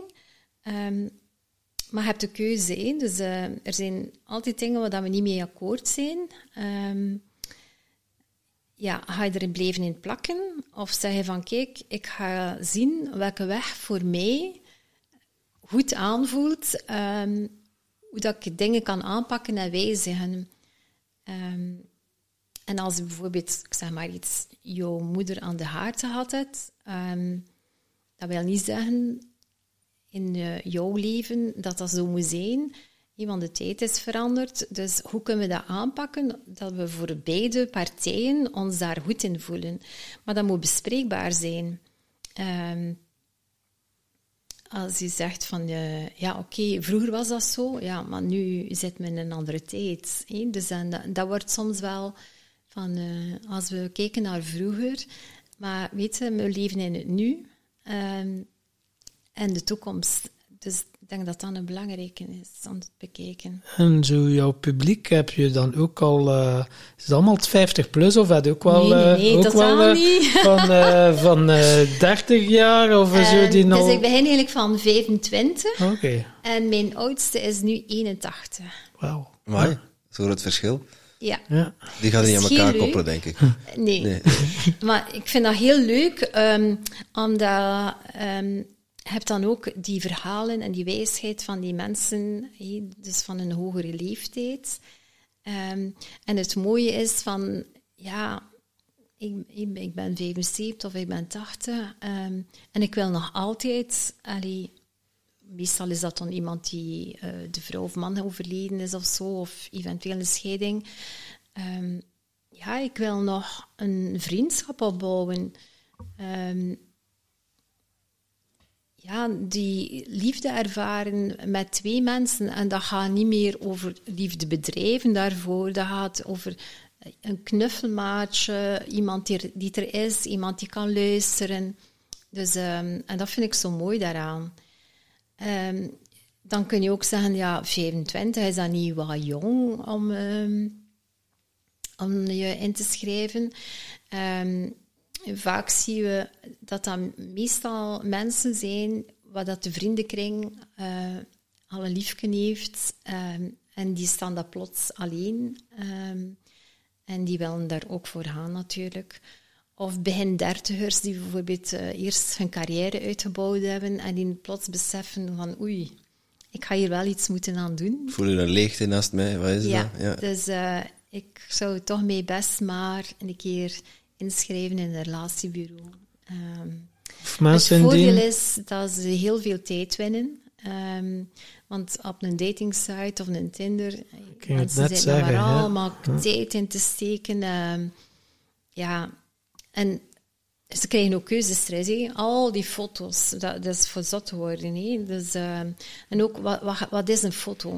Ik zeg dat dikwijls aan mensen, van, als ik zie hoe dat een mens op de foto en de mens erachter zie, soms allee, herken ik dat toch gewoon weg niet.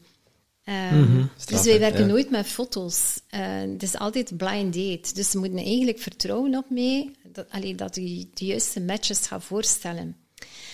Soms gebeurt het wel dat er een keer iemand achter mijn rug om, hé, toch een keer van, eh kun je geen foto doorsturen of een keer je Facebook of zo. En wel, ik weet op voorhand al dat dat misloopt. Onlangs, onlangs had ik ook iemand, een vrouw, eh, had eh, die man blijkbaar opgezocht en ze had een foto gevonden. En, ze, en ik had haar nog gezegd van, ah, dat is een toffe man, een mooie man. Ehm, ze belt, ja, als jij dan een mooie man vindt, ik vind daar maar niks aan. Ik heb een foto gevonden van die man. En ik, oh, dat kan niet. Maar ik weet kijk nu ook wel wat dan een mooie man is of niet. Ehm, dus ik zeg, ja, kijk tegen haar. Ik kan maar echt zeggen, als er geen mooie man is, ga ik het u ook zeggen. Maar ik vind dat nu wel. Het is een grote, slanke, mooie man. Het is natuurlijk geen George Clooney, maar dat hoeft ook niet. Ehm, en dan de maandag belde ze, ja, ik heb toch wel afgesproken. Ja, maar dat was toch wel beter of dat ik die foto gezien had. Voilà. Ja, dat Dus toch nog afgesproken, ja, ja. ja, dus ehm, ik verschot er al van dat het toch afgesproken was. Maar, ehm, dus daaraan zie je maar, ga nooit voort op een foto. Ja, en zo mensen gaan ook altijd onder een beste foto Ja, doen, of Photoshop, of wat is het allemaal, filterken erop. En eh, ja, wat is dan nog echt en authentiek? En, en ook, ehm, ik vind dat je nooit kunt weergeven wie dat je bent op een foto.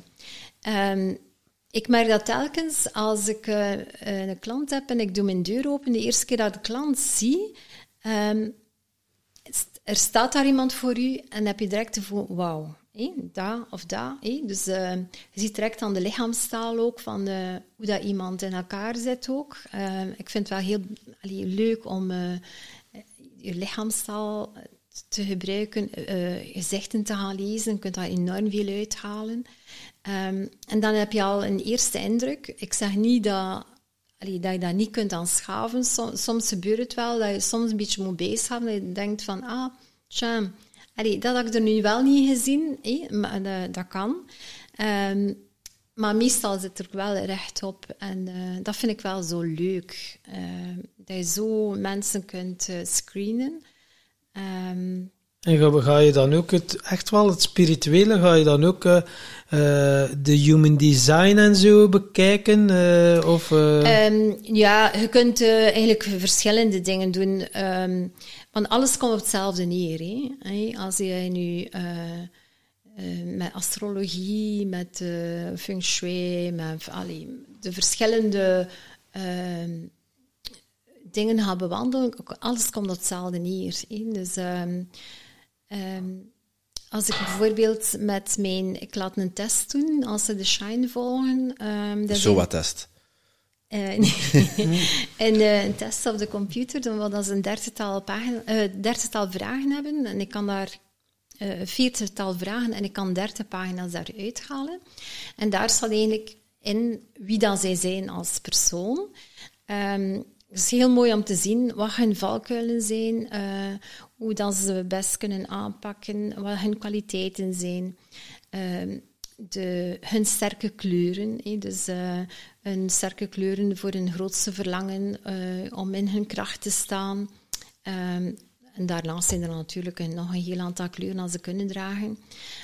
Wat hun element is, hè, vuurwaarde, vuur, aarde, water en lucht. En natuurlijk, als je een sterk vuurteken bent en ik zet daar een sterk vuurteken naast, ja, dat dat gaat clashen, dat weet je sowieso. Is maar wel heel goed om te zien van eh, ik heb veel vuur of water ehm, of lucht of aarde in mij.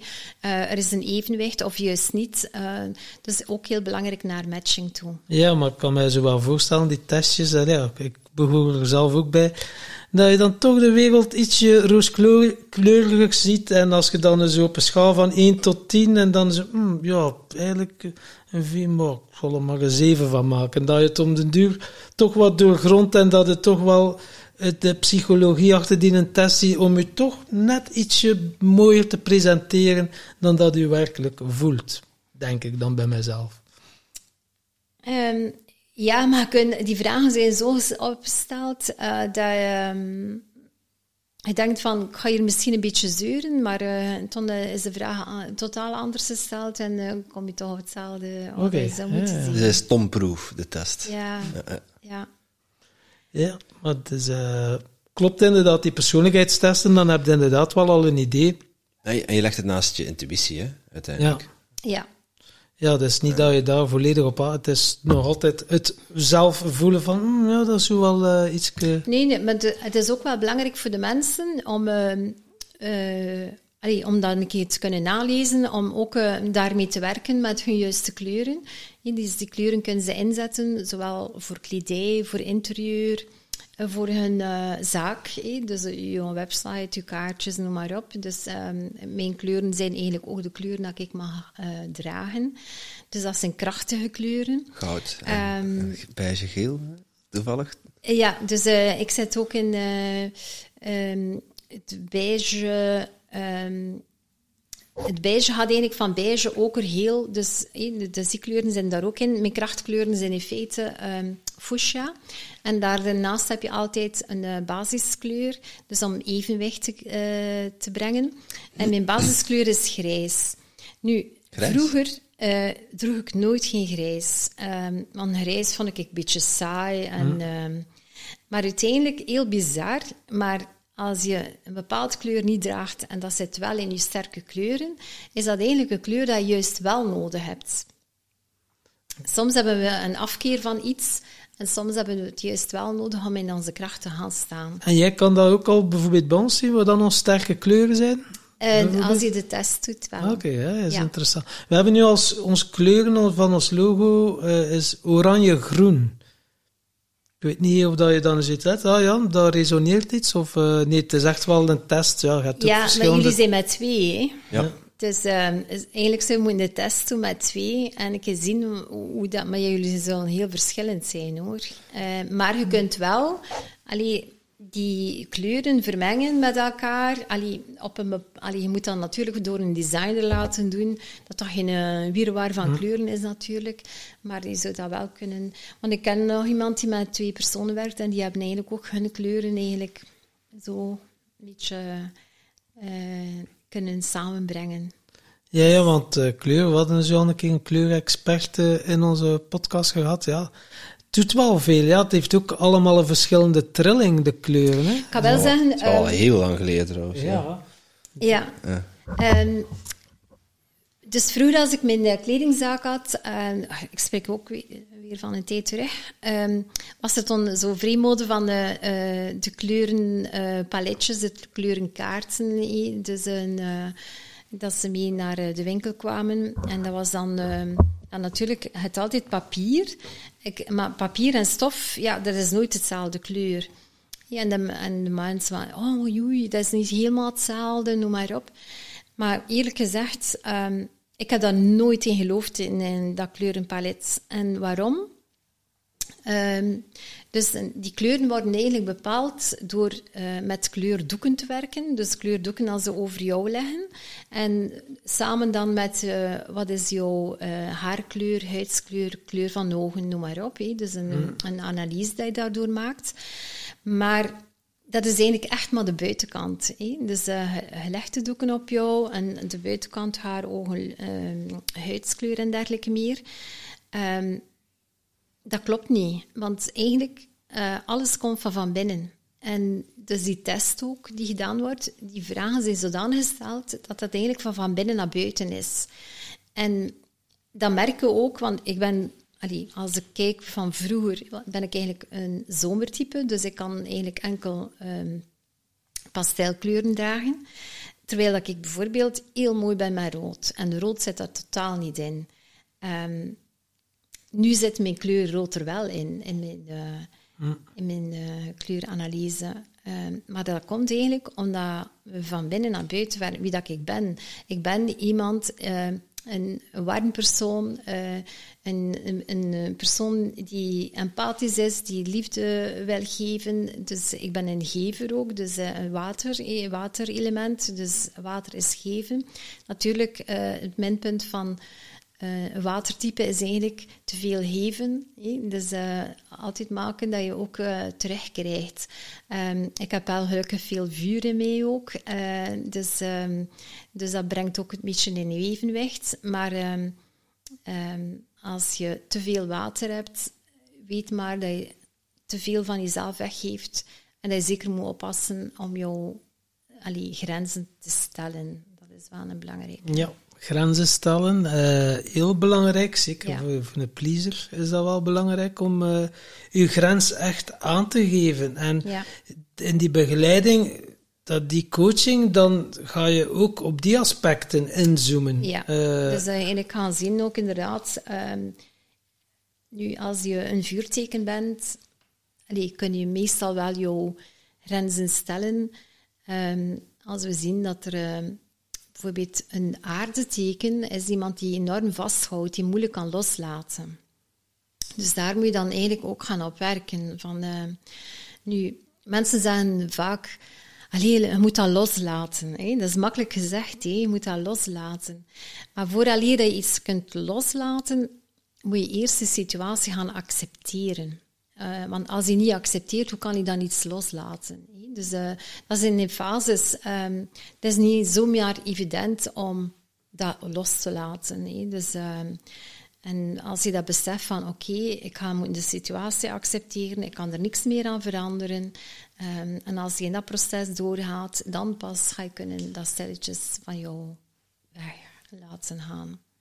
Ja, en je hebt het over, we hebben het over kleuren, uh, over een, een, bepaalde test. Ik hoor je ook zeggen, uh, de elementen neem je erbij. Uh, wat voor onderdelen haal je nog meer aan om een profiel op te stellen?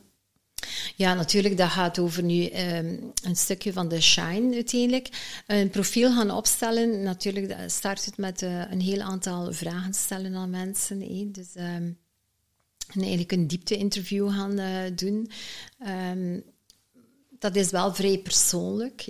Dus nu, ik moet zeggen, ik kan wel de mensen enorm op hun gemak stellen. Uh, ik sta altijd wel versteld wat dat mensen allemaal vertellen uiteindelijk. Uh, dus uh, ik stel vragen, een vraag bijvoorbeeld, en uh, er komt daar van alles bij kijken dat mensen jou vertellen, maar daar kan ik wel heel veel op uitnemen. Dus voor, voor mezelf, om eigenlijk zo goed mogelijk te kunnen matchen ook.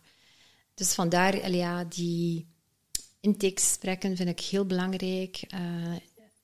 Neem ik echt wel mijn tijd voor. Vind ik ook heel leuk om te doen, om uh, iedere keer uh, te zien wat is het verhaal achter die persoon. Beetje als een podcast eigenlijk. Een ja, eigenlijk wel. ja. ja. mensen ja. kunnen wel vertellen en zo, maar wij vinden ook wel leuk. Wie is die persoon werkelijk? Eh, omdat je dan toch een stukje van die persoon in ziel ziet. En wij zijn ook heel kwetsbaar en puur in onze podcast. En dat maakt van onze podcast een succes, omdat we heel openhartig zijn en puur. En mensen houden ervan. Niet zo'n façade of een masker kunnen ze ta, ta, ta. En dat, ja, dat, dat moeten ze maar boekjes lezen. Hè. In de boekjes staat het allemaal wow, wow, wow. Of zo wat uh, spectaculaire titels. Maar bij ons gaat het dus echt wel, hm, dat pure, ah, die persoon, hij, zoals je ook vertelde, wauw, die uh, bijna doodervaring, wauw, dat, dat, dat is, ja, ik zeg ervoor niet dat mensen een bijna doodervaring moeten hebben, maar dat is wel inspirerend, weet je, dat is dan zo, als je het in zijn nuance en al zo kunt vertellen. Dus ja, dat is wel uh, interessant, zeker. Ja. Dus ja, dat, daar begint het altijd mee, hè, van, dat is de kunst voor jou ook om die puurheid uit een mens, dat, om ze te ontdooien uiteindelijk. Hè? Want ja. mensen komen toch altijd met een bang hartje, hè? denk ik. Oeh, een relatiebureau, spannend. Ik vind het ook allee, nog altijd zo raar um, dat veel mensen drempelvrees hebben om naar een relatiebureau te stappen. Terwijl in feite de helft van de wereld zit op een datingsite. Dus dan mensen staan daar met hun foto's open en bloot. Terwijl bij een relatiekantoor is het heel discreet, professioneel, um, heel persoonlijk. Dus zit je in eigenlijk een veilige haven. En om die stap te zetten, um, ik hoor van de mensen dan van, ja, goh, ik had eigenlijk nooit gedacht dat ik ooit naar een relatiekantoor ging moeten Dat stappen. is zo last resort, bijna zo. Zo Dat van- je bent mijn laatste strohalm. Red mij. Ja, maar wat is het probleem nu uiteindelijk? Als je nu op een datingsite staat of naar een relatiebureau, want je gaat veel persoonlijker ehm, begeleid worden. Ehm, de mensen die je voorgesteld wordt, heb ik allemaal zelf gezien. Dus is het ook al veiliger voor jezelf. Want op een datingsite weet je het uiteindelijk niet met wie dat je gaat afspreken. Ehm, mensen hebben veel minder tijdverlies, hè, want ze moeten daar allemaal niet zelf gaan opzoeken en beginnen chatten. En eh, ja, die dingen worden allemaal, allee, vallen allemaal weg. Ehm, je wordt ook voorgesteld aan mensen die kunnen geschikt zijn aan, aan, eh, aan jou. Ehm, want als je naar een foto kijkt, wil dat niet zeggen dat die persoon geschikt is voor jou. Dus ehm, je hebt zoveel voordelen eh, om naar een relatiebureau te stappen. En hoe beter dat jij je werk doet, hoe meer dat je uitgenodigd wordt op trouwfeesten dan ook. Ja, ik ben eh, eh, dikwijls wel een keer geïnviteerd, maar dat hoeft niet door voor Nee. mij. Ehm, eh, kijk, eh, onlangs heb ik nog iemand ingeschreven eh, die doorgestuurd was van een koppel, dat ik eigenlijk wel toen op het trouwfeest ben geweest. Eh is wel leuk natuurlijk. Hè? Ehm, ik heb bijvoorbeeld ook een eh, psycholoog dat ik eh, eh, gekoppeld heb. Ehm, ik krijg daar heel veel klanten van. Ehm, het is ook zo'n mooi koppel. Ja, ik volg ze ook op sociale media. En je ziet dan, en ze hebben dan een kindje die nu al ja, een aantal jaar is. Eh, zo mooi om allemaal te zien. Ehm, Ze hebben die kleine Kathleen genoemd, zeker? eh, nee, dat is niet. Maar ik vind nu niet mijn naam zo mooi, dus het hoeft geen Kathleen te zijn. Het gaat niet om u, hè? Het gaat niet om u, hè? Ja. Ik kan me zomaar voorstellen dat je bij, eh, ja, en daarop Hypnotic waren ook met twee mensen dat die ook gekoppeld had. Dat gevoel had ik. Ja.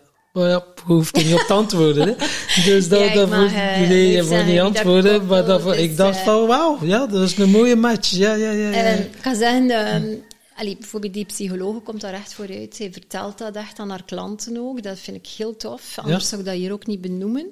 Ehm, allee, er zijn verschillende mensen die het echt benoemen, die, die Ja. dat zeggen aan de buitenwereld. Trots. Ja. Ehm, maar ik heb ook klanten die dat absoluut niet Ah, willen zeggen. Ehm, terwijl, dat is toch geen schande. Ik heb altijd iets van...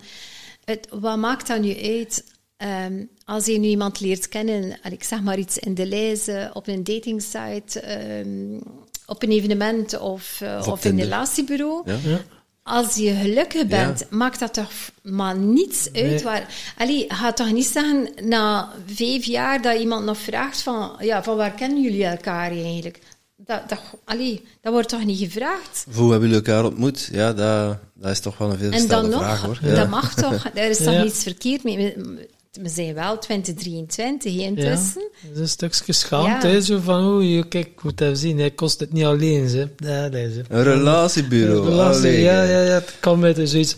Dat is in de volksmond wordt het dan zo gekeken, of Tinder, dat is dan ook zo, oh, Tinder, en mensen zo, oh, ja, dat, mensen hebben er toch zo een beeld van, hè, op een manier. Terwijl ja, dat- dus daaraan zie je ook weer, dat is weer de buitenkant, de buitenwereld van oei, wat gaan de mensen laten voilà, Ja. maar dat is het, hè. Ja, maar dat is toch niet belangrijk wat dan uw buur gaat zeggen daarover. Ehm, Ja, voor sommige mensen wel, hè, ja. Maar ik- ik heb zo het gevoel dat, dat heel veel mensen zo blijven vastzitten in dat oppervlakkige. En dan ze zich daar precies comfortabel voelen. Want voor heel veel mensen doet het er echt wel toe wat de buitenwereld van hun denkt en vindt en zegt. En dan, ja, dan creëer je, of hou je eigenlijk van die taboes in stand. Wat, wat is er volgens jou nodig om, om daar voorbij te gaan, voorbij die oppervlakkigheid? Natuurlijk, ehm, als je niet wil dan zelfreflectie doen, ja, is het wel een moeilijk, een moeilijk gegeven. Ehm, en zolang dat je er zelf niet klaar voor bent, ja, ik kan niet, niemand forceren. Hè? Ehm, Ik denk, allee, meestal, wanneer kom je daartoe? Bij een bepaalde negatieve gebeurtenis. Ehm, dat tot bepaalde inzichten komt en voelt van, ja, ik ga hier toch wel iets moeten doen. Ehm, en dan ga je soms op ontdekking. Zo kan dat wel eh, een heel stuk veranderen. Maar om te zeggen tegen iemand die vrij oppervlakkig is, ja kijk, hij moet nu een keer uh, aan zelfreflectie gaan doen. Ik denk dat dat wel een zeer moeilijke is. Luister ja. naar de Tim Tom podcast, man. Zelfs aan een dood paard trekken, denk ik. Ja. ja. dus uh, ook, dat heeft ook geen zin, hè, want kun je dat allemaal zeggen. Ik weet nog, toen der tijd, ik ging dat verkondigen van, ah, je moet aan jezelf werken en dit en dat.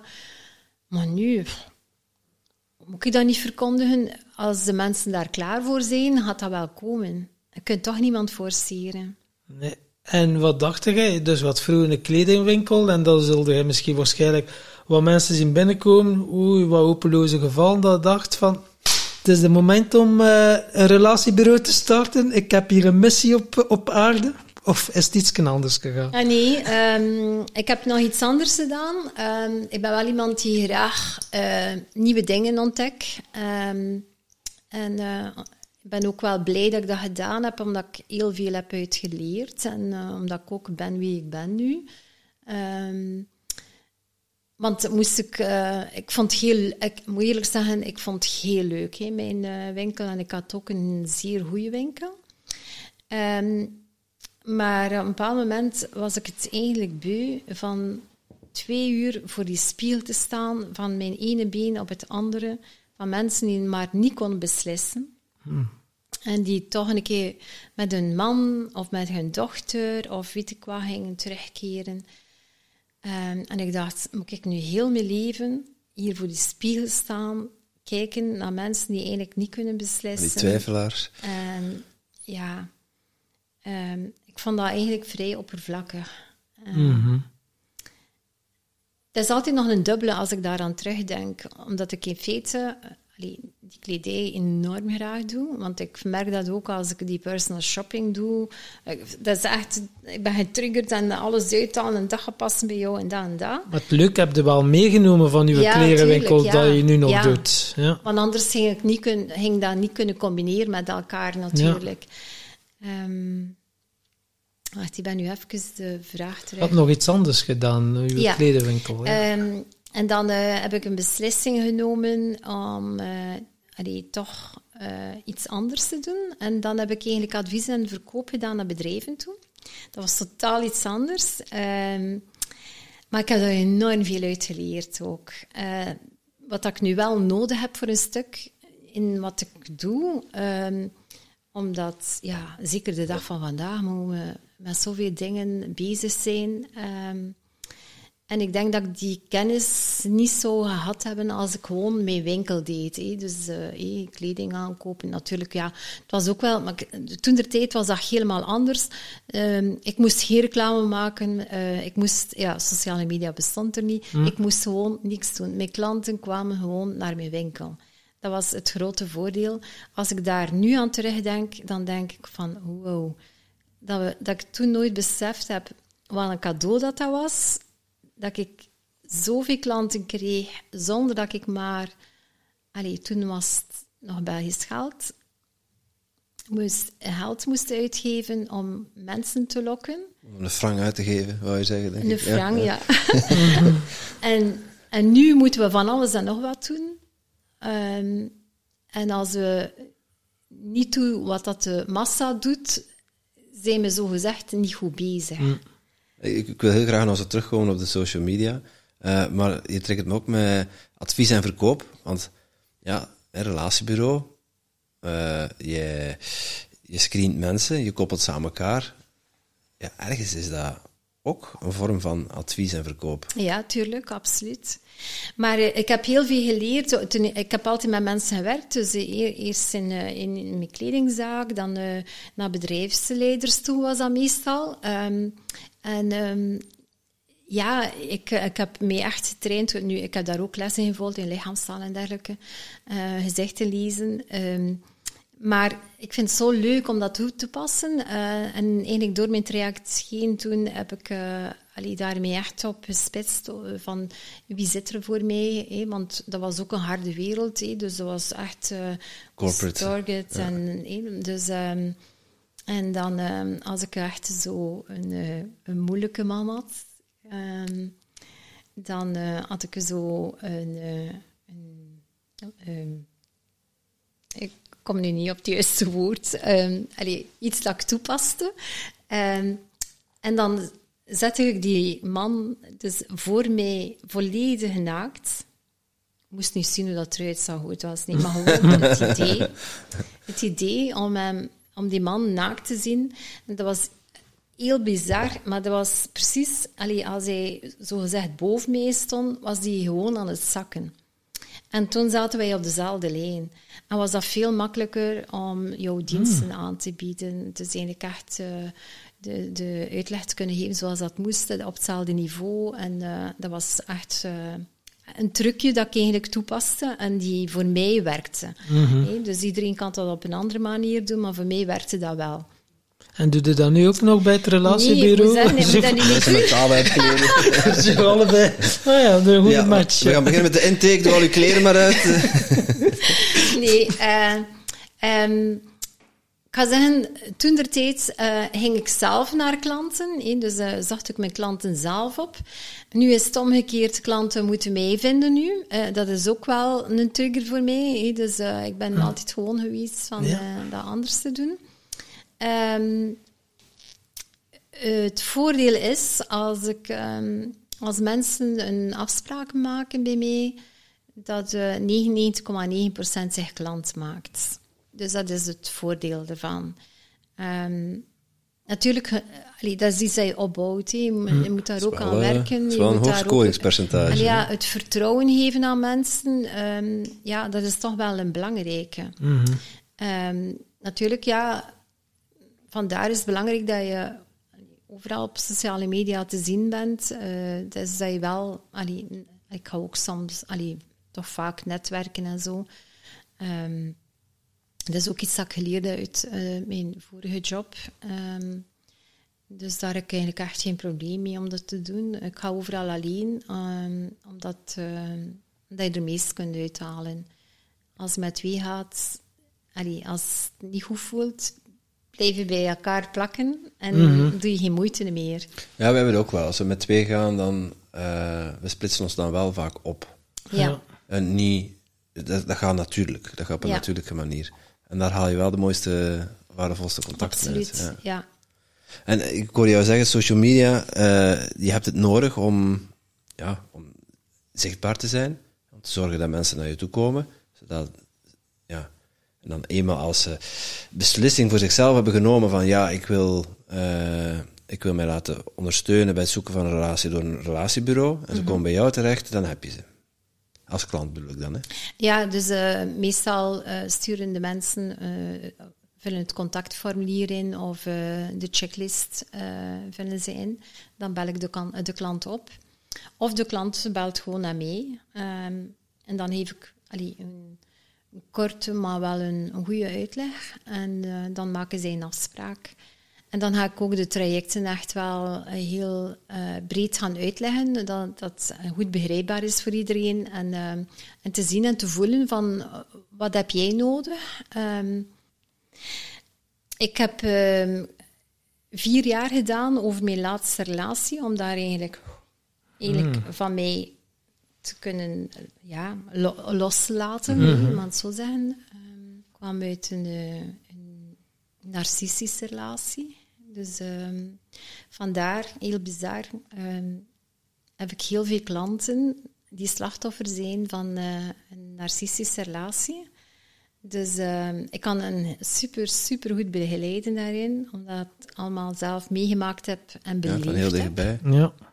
Ehm, dus eh, ik, ik begrijp het als geen ander. En dat is heel bizar, maar ik trek dat precies aan, die eh, slachtoffers. Ehm, Ja. Spijtig genoeg, eh, er zijn veel meer ehm, mannelijke narcisten. Ehm, dus vandaar ook dat ik meer slachtoffers heb van vrouwen dan daarin. Er zijn ook, ik, ik heb er een paar gehad, mannelijke mannen die eigenlijk slachtoffer waren van een narcistische vrouw. Dus, ehm, maar eh, meestal is het eigenlijk omgekeerd. En ja, we, hebben ook een podcast opgenomen eh, Agnes, was het denk ik? Anja. Anja, met een G. A-G-N-J. A-G-N-A.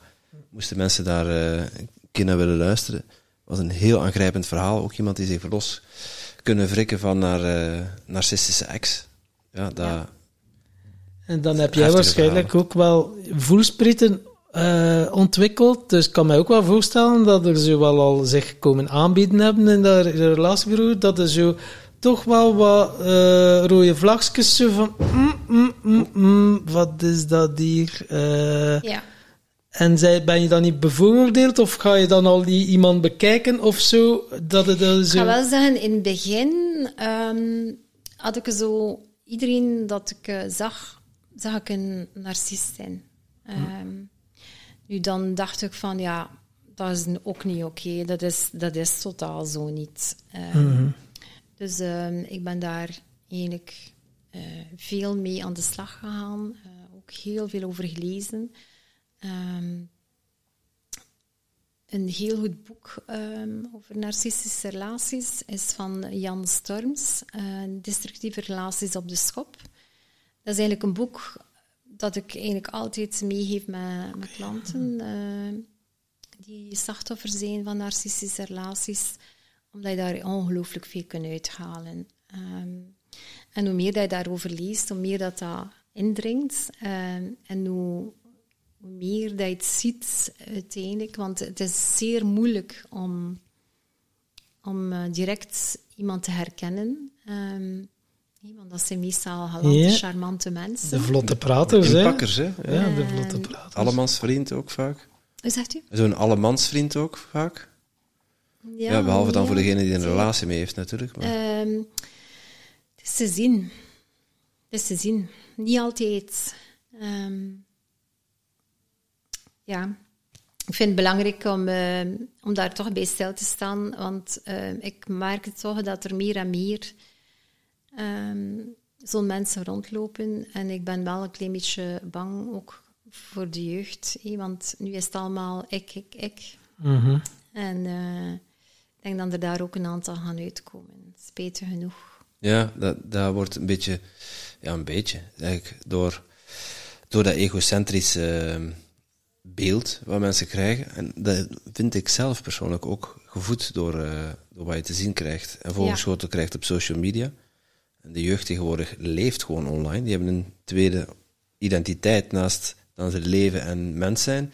Zijn ze ook nog eens een digitale identiteit. Ja, En die twee werelden samenbrengen, ja, dat, dat zorgt vaak wel voor, eh, voor gevaarlijke situaties. ja. En je zegt, daar, daar, daar groeien dus eigenlijk ook narcisten uit. Ja, En, en, absoluut. en hoe komt dat, denk je? Wel, het is te veel op... eh, het is allemaal ik. hè. Dus eh, de ander is niet zo belangrijk niet meer. Ehm, het, het is zo, inderdaad, we moeten werken aan onszelf. hè. Maar tussen aan onszelf werken of alles naar jou toetrekken en enkel... Het, allee, dan gaat het eigenlijk echt over het egoïsme van een persoon. Ja, egoïsme... ehm, is niet hetzelfde van iemand die zegt van kijk, eh, ik trek mij eventjes terug en ik ga een beetje aan mezelf gaan werken. Ik ga een zelfreflectie doen, dat is totaal iets anders. Ehm, maar meestal is het nu zo, het draait allemaal om die ene persoon. En ik denk dat dat een beetje het gevaar is. Mhm. Als ik nu zo kijk ook naar, ehm, naar de mensen die nu zo kleine kindjes hebben, ik merk toch wel dat veel mensen dat moeilijk daarmee hebben. Ehm, het is hen te veel geworden. En gaan werken, en kindjes. En, en dat tweede, goh, dat is er veel te veel aan. eh, dat is te lastig. Als, ik denk dikwijls van, als ik dat vergelijk met vroeger... ehm, ik had twee kinderen, ik heb ze alleen opgevoed. eh, ook de financiële kant alleen gedaan. eh, ik had mijn kledingzaak. ehm, ik heb dat ook beredderd. En het enige verschil was, ehm, ik ben niet moeten weggaan. Ik was gaan werken, ik kwam thuis, ik had de kinderen, de weekends de kinderen. Dus ik heb mijzelf een beetje moeten wegcijferen. En ik denk dat dat gevaar is nu van vandaag, dat mensen willen nu alles. En willen uitgaan, en willen plezier hebben, en eh, ze moeten werken, ze moeten geld verdienen. Dus ik denk dat dat nu een beetje het probleem wordt. Ehm, terwijl vroeger, ja, natuurlijk, er was ook minder, eh, sociale media was er niet. ehm, het was een andere tijd natuurlijk, ehm, maar ik denk dat dat... Ik, soms heb ik dat wel zo moeilijk mee van... Komt dat nu eigenlijk? Dat dat vroeger... Allee, het ging ook moeilijk, maar het ging wel. En we deden het wel. Het ging misschien iets minder rap allemaal de tijd. Maar ja, tenslotte had wel dezelfde taken te doen. Maar nu worden een overprikkelende maatschappij. Ja, hè, en als je ergens niet de FOMO, is. fear of missing out. Oh shit, dat, dat, dat, dat. En heel veel op je bordje. Ja, en, en eh, je, hebt, je hebt je kinderen alleen opgevoed, hoor ik. Eh, maar veel mensen zitten in een, eh, in een gezin waarbij ze met twee moeten werken om rond te komen. Dat het eigenlijk niet meer haalbaar is om in uw eentje twee kinderen op te voeden en, eh, ja, en de hypotheek te betalen of en de huishuur te betalen. Ja. Eh, zeker als je nu eens boodschappen gaat doen. Daar kon er vroeger een hele maand voor eten. Ja. Daar komt er nu nog geen week mee ver. Ja, terwijl de salarissen niet in datzelfde tempo aan het meestijgen zijn. Dus ergens, ja, ergens voel ik dat, zie ik dat ook gebeuren. Ik ben ook samen met een narcist. Hij is 16 maanden oud en de hele wereld draait om hem. ja, dus, en, en als hij zijn goesting niet krijgt- begint het te krijsen. En eh, eh, ja, het is best uitdagend. Dat durf ik wel zeggen. Eh, ik zeg dat voor te lachen, hè, maar ja, het, is, het is echt wel een uitdaging. Maar het is inderdaad wel zo, als we zien eh, de inkomens eh, van toen ten opzichte van nu en hoe duur dat allemaal geworden is, dat klopt allemaal niet meer. Nee, dat klopt niet. Hè. Nee. De verhoudingen zijn. En, en ergens wordt dat dan... eh, ik weet niet of het bewust is of niet bewust, hè, eh, maar het werkt, het werkt het wel in de hand. Het werkt het in de hand dat mensen niet meer verbinden. eh, of in de problemen komen mentaal, of juist gepolariseerd geraken, of, of afgescheiden van een bepaalde... eh, en niet iedereen heeft meer... Ik kwam er onlangs achter, niet iedereen kan nog naar de Efteling. Ja. Allee, dat is toch... Als je daarover nadenkt, dat is toch bizar eigenlijk. Dat Ja, ik vind dat heel vro- ja, vroeger, vro- ja, ik weet het, maar vroeger, vroeger was dat veel toegankelijker dan nu. Nu is dat al bijna een luxe uitje geworden. Ja, maar toen, eh, ik, ik weet dat niet meer juist, maar ik, ik, weet niet als het juist is wat ik zeg, maar ik denk dat dat 300 frank was of zo. Ja. Maar dat was ook veel geld hoor. Ehm, ik weet niet hoeveel dat nu is. Ik weet het totaal niet. Ja, als je met je gezin gaat, dan ben je denk ik 300 euro kwijt. Ja, maar ik Met hoor- twee en, en twee kinderen en eh, daar eten Ja. en drinken en parkeren. Ja, maar het is zo. ja, het is. eh, Maar ik merk ook bijvoorbeeld, eh, vroeger heb ik in, allee, voor de corona heel veel netwerking gedaan. Eh, heel veel netwerken waren toen gratis of 40, 50 euro max. Als je nu kijkt, 200, 300 euro. Ja, het is zo normaal gevraagd, voor hè. een avond. Ja, ik sta me toch wel een beetje de vraag, waar gaan wij eigenlijk naartoe? Ja, het is bij alles zo. Hè. De huizenmarkt en eh, noem maar op, eh, voor iets te huren of te, ja, of te kopen. Hè. We hebben er zelf middenin gezeten voor eh, ergens te gaan kunnen wonen, een huurhuis te vinden. En, ja, en dan iets waar dat prijs-kwaliteit goed is op een leuke locatie. Ja, dan ben je al direct met 12 kandidaten hè, voor één Ja. huis. Hè. En dan wordt het vooral meestal op loonbrief hè, gerekend of ge- ge- bekeken. Dus het is overal een beetje, merk ik inderdaad. En dan, Wij eh, willen het een beetje samenbrengen. Hè. Ik weet niet of je al op de hoogte bent van ons festival, van Tim Tom Festival. Ja, zeker, want ik Ah, heb al een een kaartje gekocht, ja. dat is waar. Ja, ja. Wij, wij proberen ook, als, als we kijken van wat het kost om het te organiseren, zou de ticketprijs ook al een pak hoger moeten liggen. Maar wij proberen dat zoveel mogelijk te drukken om het juist toegankelijk te maken voor iedereen. Hè, dat, dat kinderen bijvoorbeeld gratis mogen komen. Eh, en ja, zo'n netwerkevent, 200, 300 euro, je betaalt het makkelijk. Ja, wij proberen juist hè, die gelijkgestemden samen te brengen met een juist een, een lagere Ja. drempel.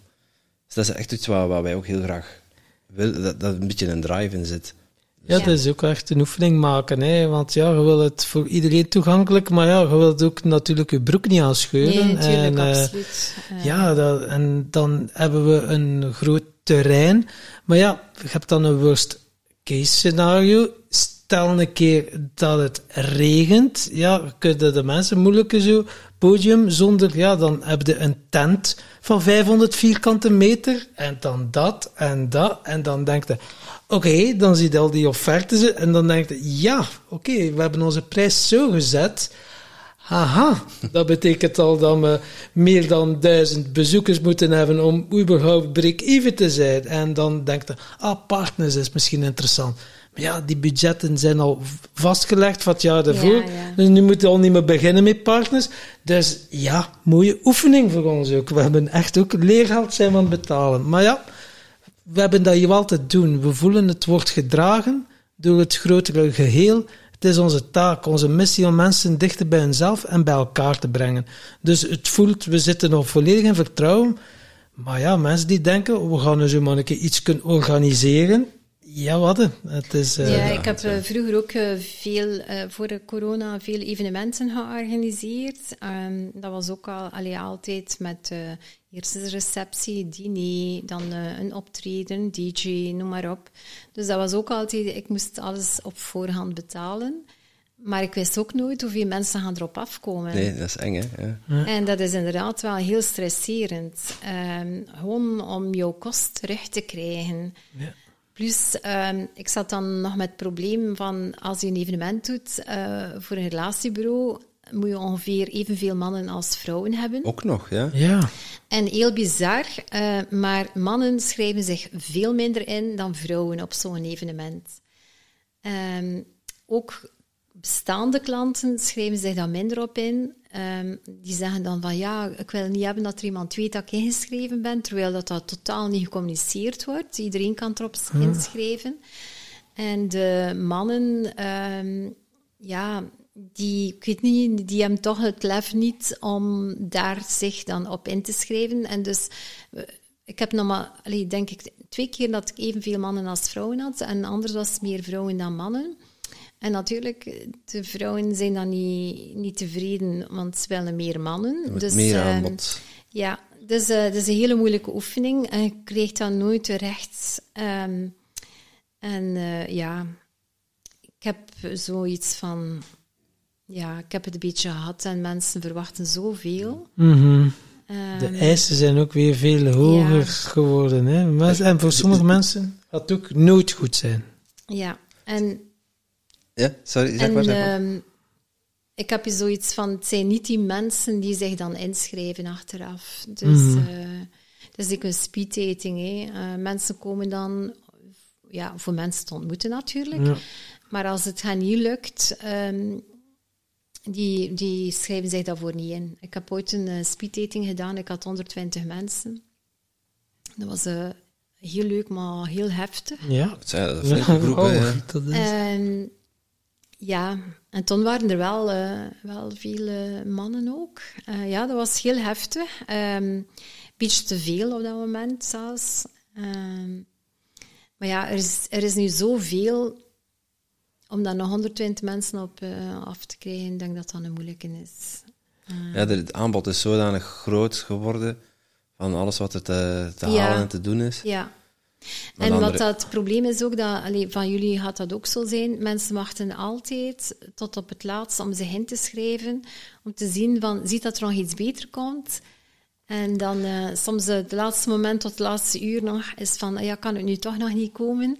Ehm, maar dat is natuurlijk heel vervelend Het is als nu je geen marketingtruc, maar ja, mensen, ja, bij ons is het beter om al, al op voorhand onze ticket te kopen, want dan hebben we nog early bird. Ja, dat is, Ja. zo simpel is dat ook weer. Maar Ja. ja, ja Maar eh, ik vraag me af, van nu, hey, je, je, hebt, je hebt dan die ervaring met die, met die events die je organiseerde.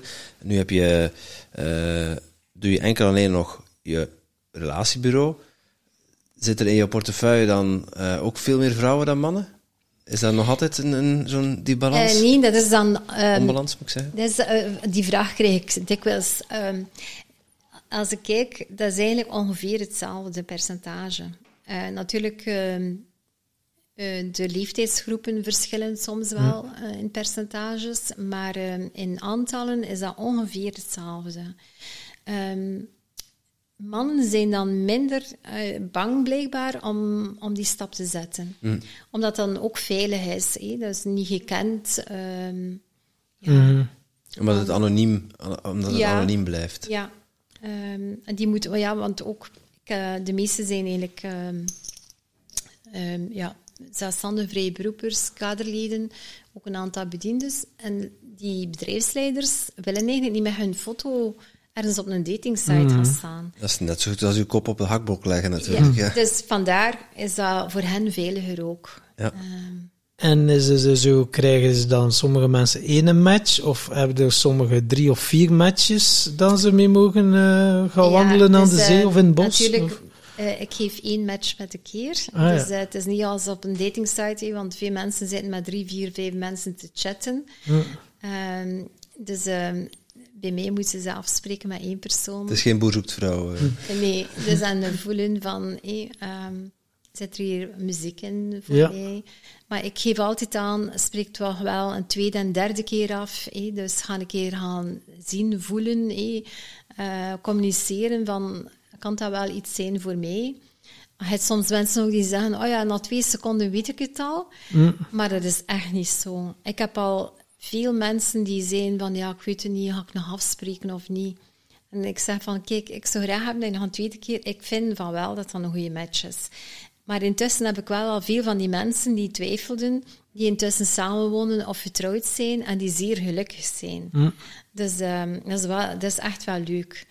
Ehm, en soms, eh, ja, onlangs kwam ik nog bij iemand die zei van, eh, ah, ik heb twee klanten van jou, allee, twee koppels, ehm, die, of twee mensen, twee, vier mensen die gekoppeld geweest zijn via jou. En dan zo, ga je dan, hoor je dat weer en die zeggen, ah, dat is toch wel tof om te horen eh, en dat mensen, allee, dat toch wel Dat is mooi, ja. meegeven. Vol- volg jij het op ook? Als mensen... Ja, ik heb wel bepaalde mensen dat, ja, dat ik nog altijd eh, hoor, ehm, wat ik, eh, die soms reageren op eh, een, een bericht of sociale media of een mailtje sturen of foto's sturen. Ja, ik heb echt wel toffe klanten eigenlijk. Ja, dat is plezant, ja. Ja, allee, want dat is ook zoiets. Mensen denken van, ja, wie gaat er nu eigenlijk naar een relatiebureau? Hè? Mhm. Allee, als we spreken, laat ons zeggen van, ja, 30 jaar terug, want toen bestond dat ook. Ehm, of meer zelfs. Allee, was dat toen een beetje van, voor de losers zo, allee, zeiden ze.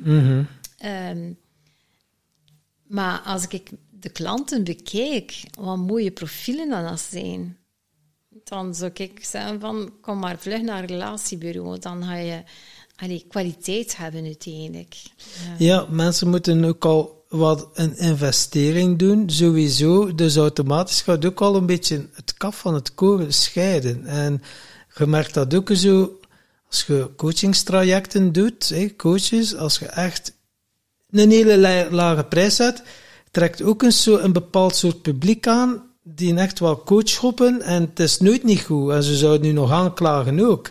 Terwijl als je ja, kiest voor kwaliteit, en dan oké, betaalde een iets hogere prijs, hadden ook andere dynamieken, hè, gaat ook een ander soort publiek hebben. Is dat bij jou ook zo een beetje? Ja, ik, allee, ik zeg het, ehm, ik werk vooral met zelfstandigen. Ja. Ehm, ook, het is ook wel goed, want ehm, als je mensen wil koppelen, moet het toch een beetje op dezelfde lijn liggen. Ik zeg niet dat ze moeten eh, hetzelfde verdienen of, eh, of eh, evenveel geld hebben. Daar gaat het niet altijd om hoor. Ehm, maar ja, je moet toch een beetje een, een bepaalde gelijkheid hebben. Ja, en een intellectueel niveau. Ja, het moet Ja. inderdaad ook een match zijn, maar inderdaad kan mij wel ja, inbeelden. eh, ja. En ook ja, eh, de ene is leeft bewuster dan de ander. Ja, dat is overal zo uiteindelijk. hè. Dus, eh, maar ja, aan de andere kant, ik heb iets, ja, op ieder potje past een dekseltje, dat is ook oké. Ehm, ze moeten niet allemaal de meest spirituele zijn. hè. Dus ehm, als die mensen gelukkig zijn zoals ze zijn, is het ook oké. Ehm, En is iedereen welkom bij u? Of het is dus soms na een intakegesprek dat je zegt, ja, oh my god, ik zou bij God niet weten dat hij een mens bestaat aan wie dat ik de dienen moet koppelen. Heb je dan dus iets, oké, ik ga de uitdaging aan of... Uh, nee, uh, allee, ja, ik moet zeggen, dat is heel bizar, maar... Um, um, dus sowieso hoor ik iedereen aan de telefoon. Um, en ik, uh, ik, kan enorm veel uithalen in de telefoon. Mhm. Dus als ik voel van, mm, dat voelt niet goed, maak ik gewoon geen afspraak. Ja, ja, ja. ja. Ja. Ja. Dan werk ik weer met mijn gevoel, mijn intuïtie. En Ja. nee, dat heeft geen zin. Anders kost het u ook energie. Als er een man belt en zegt van ik, eh, ik ben zo rijk als de zee diep is en ik zoek een Oost-Europese vrouw om, eh, om mijn En noden nee, te ik be- heb, ik heb dat bevredigen. eigenlijk niet. En dat is niet mijn doelstelling ook. Dus eh, Ja. nee. Ja, die zingeving en eh, ja, voldoening dat je hebt om echt wel pure, eh, ja, pure bewuste mensen, ze worden dan misschien nog puur en bewust, maar en toch ja, Ja. in dat traject begeleiden om dat toch wel een, eh, ja, een, een mooie relatie met de nodige diepgang en op alle vlakken dat het mag stromen. Het, allee, het, het- het is leuk om, om te zien van hoe mooi en eh, welke gelukkige koppeltjes dan eruit komen. Ehm, allee, ik ben daar heel dankbaar voor en ik, ik heb daar zelf plezier aan. Hè, als ik dat zie van wauw, maar zo mooi. Ehm, Ik Ja. zie het aan je gezicht ook. Ja. ja, ik, vind dat... Ja, onlangs zei mij, was er een klant die zei... Wel, ik zou nu maar geen enkele job kunnen bedenken die je beter zou gaan dan deze. Mm. Dat is wel een leuk compliment natuurlijk. Hè? Ja, Dus ja, ja, ja. Absoluut waar. Ja. En, en mensen gelukkig maken is jouw job. Eh, ik ben wel benieuwd, wat, wat betekent dat voor jou, geluk? geluk. Ehm, ik stel eigenlijk altijd de vraag aan mijn klanten: wat is gelukkig zijn voor jou? Ehm, als ik die, die vraag aan mezelf, ehm, ik, ehm, ik hou van mijn geluksmomentjes. Iedere dag 24 uur of 24 gelukkig zijn, dat is onmogelijk. Ik, kan ik ken niemand die kan zeggen, eh, dat is zo bij mij. Ehm, ik kan genieten van, eh, van vooral de kleine dingen, want ik denk dat geluk daar ligt, in de kleine dingen. Ehm, bijvoorbeeld, ehm, waar ik enorm van kan genieten, is om met de zeilboot te midden de zee te liggen, het water, die stilte, die schoonheid van het water, die zon die daarop schijnt, vind ik prachtig. Ehm, voor mij is dat eigenlijk geluk. Ehm, ik zoek het niet in de grootste dingen. Ehm, gewoon een koppeltje samenbrengen, dat maakt mij gelukkig. Eigenlijk die warmte voelen, want dat is ook een oefening, eh, vind ik. De warmte voelen in je hart. hè. Dus, hè, en de liefde kunnen uitstralen. Ehm, en ik denk dat je dat eigenlijk maar enkel kan door, eh, ja, iedereen doet het op zijn manier natuurlijk, een bepaalde meditatie te gaan toepassen. En soms heb ik zo het gevoel van zo, wauw, precies dat, dat de warmte uit mijn hart komt. Zo. En dat vind ik zo mooi. Dat heeft, heeft nog nooit iemand geantwoord op die vraag. Zo de warmte voelen in jezelf en liefde uitstralen. Dat is geluk. Ja, dat is mooi. Ja. En Ja, maar voor iedereen is geluk anders. Hè? Zeker, Zeker, zeker, ja, ja, ja, dat ja. moet ons niet vertellen. Ja, dat is, eh, na 190 afleveringen met verschillende gasten hebben we toch al wat definities. eh, ja, het is Het eh, is weinig toch dezelfde. samenbrengen, die definities. Dat zijn we zeker van Dat plan, zijn ja. we van plan om er echt Ja, wel een keer te bundelen. Als mensen zich geroepen voelen, eh, stuur Ja. gerust een mailtje. Ja, Ja, dat Dat is een waar. hè. monnikenwerk. Hè? Ja, inderdaad. maar eh, ja, en dan hebben we het niet enkel over de definitie van geluk, want we hebben ook nog een definitie van succes dat we aan onze gasten vragen. En Ja. wat betekent voor jou succes? Ehm, ik denk dat dat een beetje gelijklopend is, geluk en succes. Ehm, zoals je geluksmomentjes hebt, heb je succesmomentjes. Ehm, en ik denk, het succes begint al bij jezelf. Eh, wie je bent. Ik ben wel fier bijvoorbeeld op wie ik ben van, van waar ik kom. En wie ik nu ben, want dat is een groeiproces uiteindelijk. Ehm, vind ik eh, succesvol voor mezelf. Ehm, ehm, ik denk dat succes niet, niet ligt, voor mij toch niet ligt in de materiële dingen. Omdat dat allemaal van voorbijgaande aard is. Eh, vroeger, natuurlijk, als ik een kledingzak had, eh, ehm, ja, had ik zoveel kleren, hè, want dat was ook normaal. Ehm, maar nu ik heb, heb ik al iets van, ja, heb ik dat nu echt wel nodig? Ga mij dat nu wel gelukkig maken? Ehm, die vraag stel ik mij al van, moet ik dat nu kopen? Of ja, dat maakt mij niet gelukkiger. En ik denk dat succes gewoon in jezelf zit. Dat je het niet ver moet gaan zoeken. Dat is mooi. Heel mooi. En we blijven in onze vraagmodus. Ja. Ja. Je mag nog een, eh, een vraag bedenken voor onze volgende gast. Oei. Ja, jij bent goed in goede vragen stellen. Hè? Wat zegt u? Je bent er goed in, hè? Goede vragen stellen. Eh, Dus ja. zijn we benieuwd. Ja, ja. Wacht hoor. Ehm, wat zou ik nu kunnen vragen? Ehm.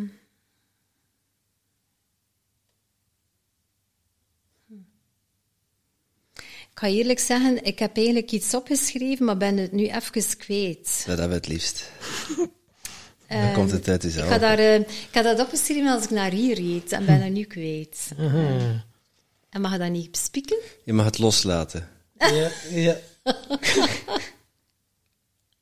Ah, ik weet wel een vraag. Ehm, hoe. ehm,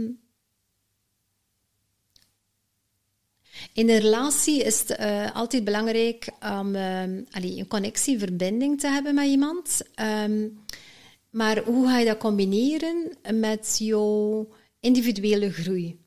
In een liefdesrelatie. Hoe Dat ga is echt- eh, hoe ga ik ehm, mijn individuele groei,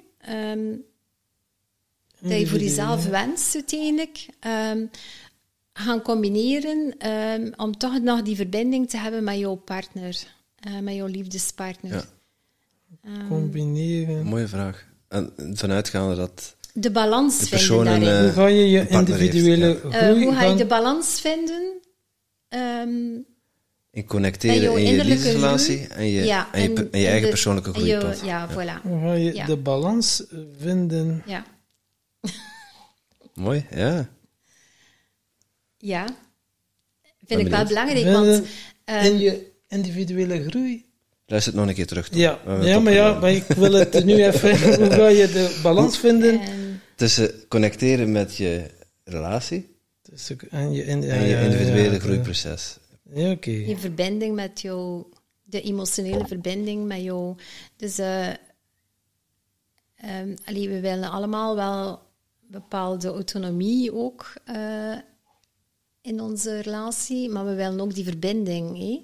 Dus ehm, een beetje dat, van hoe kan ik dat nu voor mezelf, zonder dat ik mij verlies daarin. Ja, ja, ja. Ehm, en dat is ook een goede oefening, bijvoorbeeld uh, al, allee, vooraleer dat je in een relatie gaat, van uh, dat te gaan bespreken. Van kijk, um, ja, we, ik wil inderdaad een, een uh, verbinding, connectie met jou. Ik wil mij engageren, maar ik wil toch ook wel een bepaalde vrijheid tussen haakjes uh, behouden. Hoe gaan we dat inplannen? Ja. Dus, um, dat je vooraf je, niet, je verlangens al uitspreekt. Ja, dat je niet achteraf dan, dan, dat er iemand zegt, ja, maar ja, nu moet je niet meer gaan sporten en nu moet je dit of dat niet ja, meer. Ja, ja. Dan was dat de afspraak, de regels eigenlijk gaan bepalen vooraleer dat je eigenlijk in relatie gaat. Oei. En dat is precies of dat je naar een notaris gaat en zegt van, kijk, dat gaan we neerzetten en voilà, um, zet het op papier. Dan, dan zijn er geen discussies daarover. We zijn dat overeengekomen. Natuurlijk kan er daar altijd aan gewerkt en geschaafd worden natuurlijk, maar allee, je moet toch wel ergens een evenwicht blijven. Het is nog belangrijk ja, dat u ding kunt doen, hè? Ja. en uh, dat iemand anders niet kan uh, gaan bepalen van op en uh, dat de dingen moet skippen en u gaan aan, dan komen we weer bij de pleaser. Hè? Ja, ja absoluut. En, en het blind in een relatie duiken zonder... Ja. ja dat is het eigenlijk. Daar een keer een fatsoenlijk Dus, over te hebben. Ja. Ja, ja. minstens twee, drie keer En dat, dat gebeurt minstens. vaak bij mensen die niet kunnen alleen zijn. Um, en, die, ja, en dan na x aantal weken of maanden is van oei, dat haal ik niet. En, uh, ja, ja, en dat is jammer, hè, want dat is weer tijdverlies, energieverlies. Hè, want zelfs als je zegt ik stop met de relatie, dat voelt toch niet goed. Hè? Kan, iemand, kan niet zijn dat iemand kan zeggen... Oh, een mislukking, ja. ja. Um, Dus dan moet je toch wel zelf ook weer bekomen. En dat is weer energieverlies. En je dan misschien beter van die energie in iets anders te steken. Ja, dat lijkt mij wel. Wij gaan onze energie nog verder steken in ons Tim Tom Festival, hè, maat? Ja, en over notaris gesproken, we, help mij eraan herinneren, wij moeten nog langs de notaris. Voor ons levensproject. Ja. Voilà. Oké. Nee, daarover later. We moeten het een beetje spannend houden, de luisteraars ook. Hè. Eh, als eh, mensen op zoek zijn naar een relatie en ze willen met, eh, met jou in zee om die zoektocht op te tuigen, waar kunnen ze dan terecht, Kathleen? Dus ze kunnen zien op internet, dus eh www.soulmate, cijfertje 4, live met een f.be. Soulmate for life. for life.be. En als je mijn naam intikt, uh, Kathleen Kallewaard, kom je ook zeker daarop, want er staat heel veel op internet. Dus Het is niet alleen voor singles, maar ook voor mensen die aan een relatie willen werken. ja, zeker en vast. Ja. En soms mensen die zeggen, oké, ik wil eh, een keer mee la- laten eh, stylen of een personal shopping, dat kan apart genomen worden, of een coaching kan ook zeker apart. Dus ik vind Super. iedereen is welkom. ehm, dus eh, met de juiste intenties, eh, dat vind ik heel belangrijk. En met de juiste waarden en normen. Dus eh, dat vind ik een hele belangrijke. Ehm, dus, Dus geen oppervlakkige narcisten, die moeten niet reageren. Nee, dat eh niet welkom. Oké, Schitterend. dankjewel. Dat Dankjewel, we van harte Ik vond bedanken. het heel tof. Oké, Echt waar. En bedankt super. voor de uitnodiging. Uh, Graag zit echt eh, goed op elkaar in, eh, afgestemd. moet ik zeggen. Eh, echt wel tof. Ja, ben blij jij dat ik gekomen ben. En jij die Merci. dacht zo van, oh, twee uur, jongen. Ja, kijk, we zijn hier aan een uur en 53 minuten, zie. Kijk. Heel tof. Echt Ja, waar. Leuk om te doen. Zeker een aanrader. Dankjewel. en jij natuurlijk ook super bedankt om te luisteren naar deze podcast. Voel jij je geïnspireerd? Je zou ons een enorm plezier doen door ons 5 sterren te geven of een review achter te laten in jouw favoriete podcast-app. En wil je geen enkel inspiratiemoment missen? Abonneer je dan op onze podcast of volg ons op social media at Tim Tom Podcast. Oké, dan moet je ook terug aan de Tom.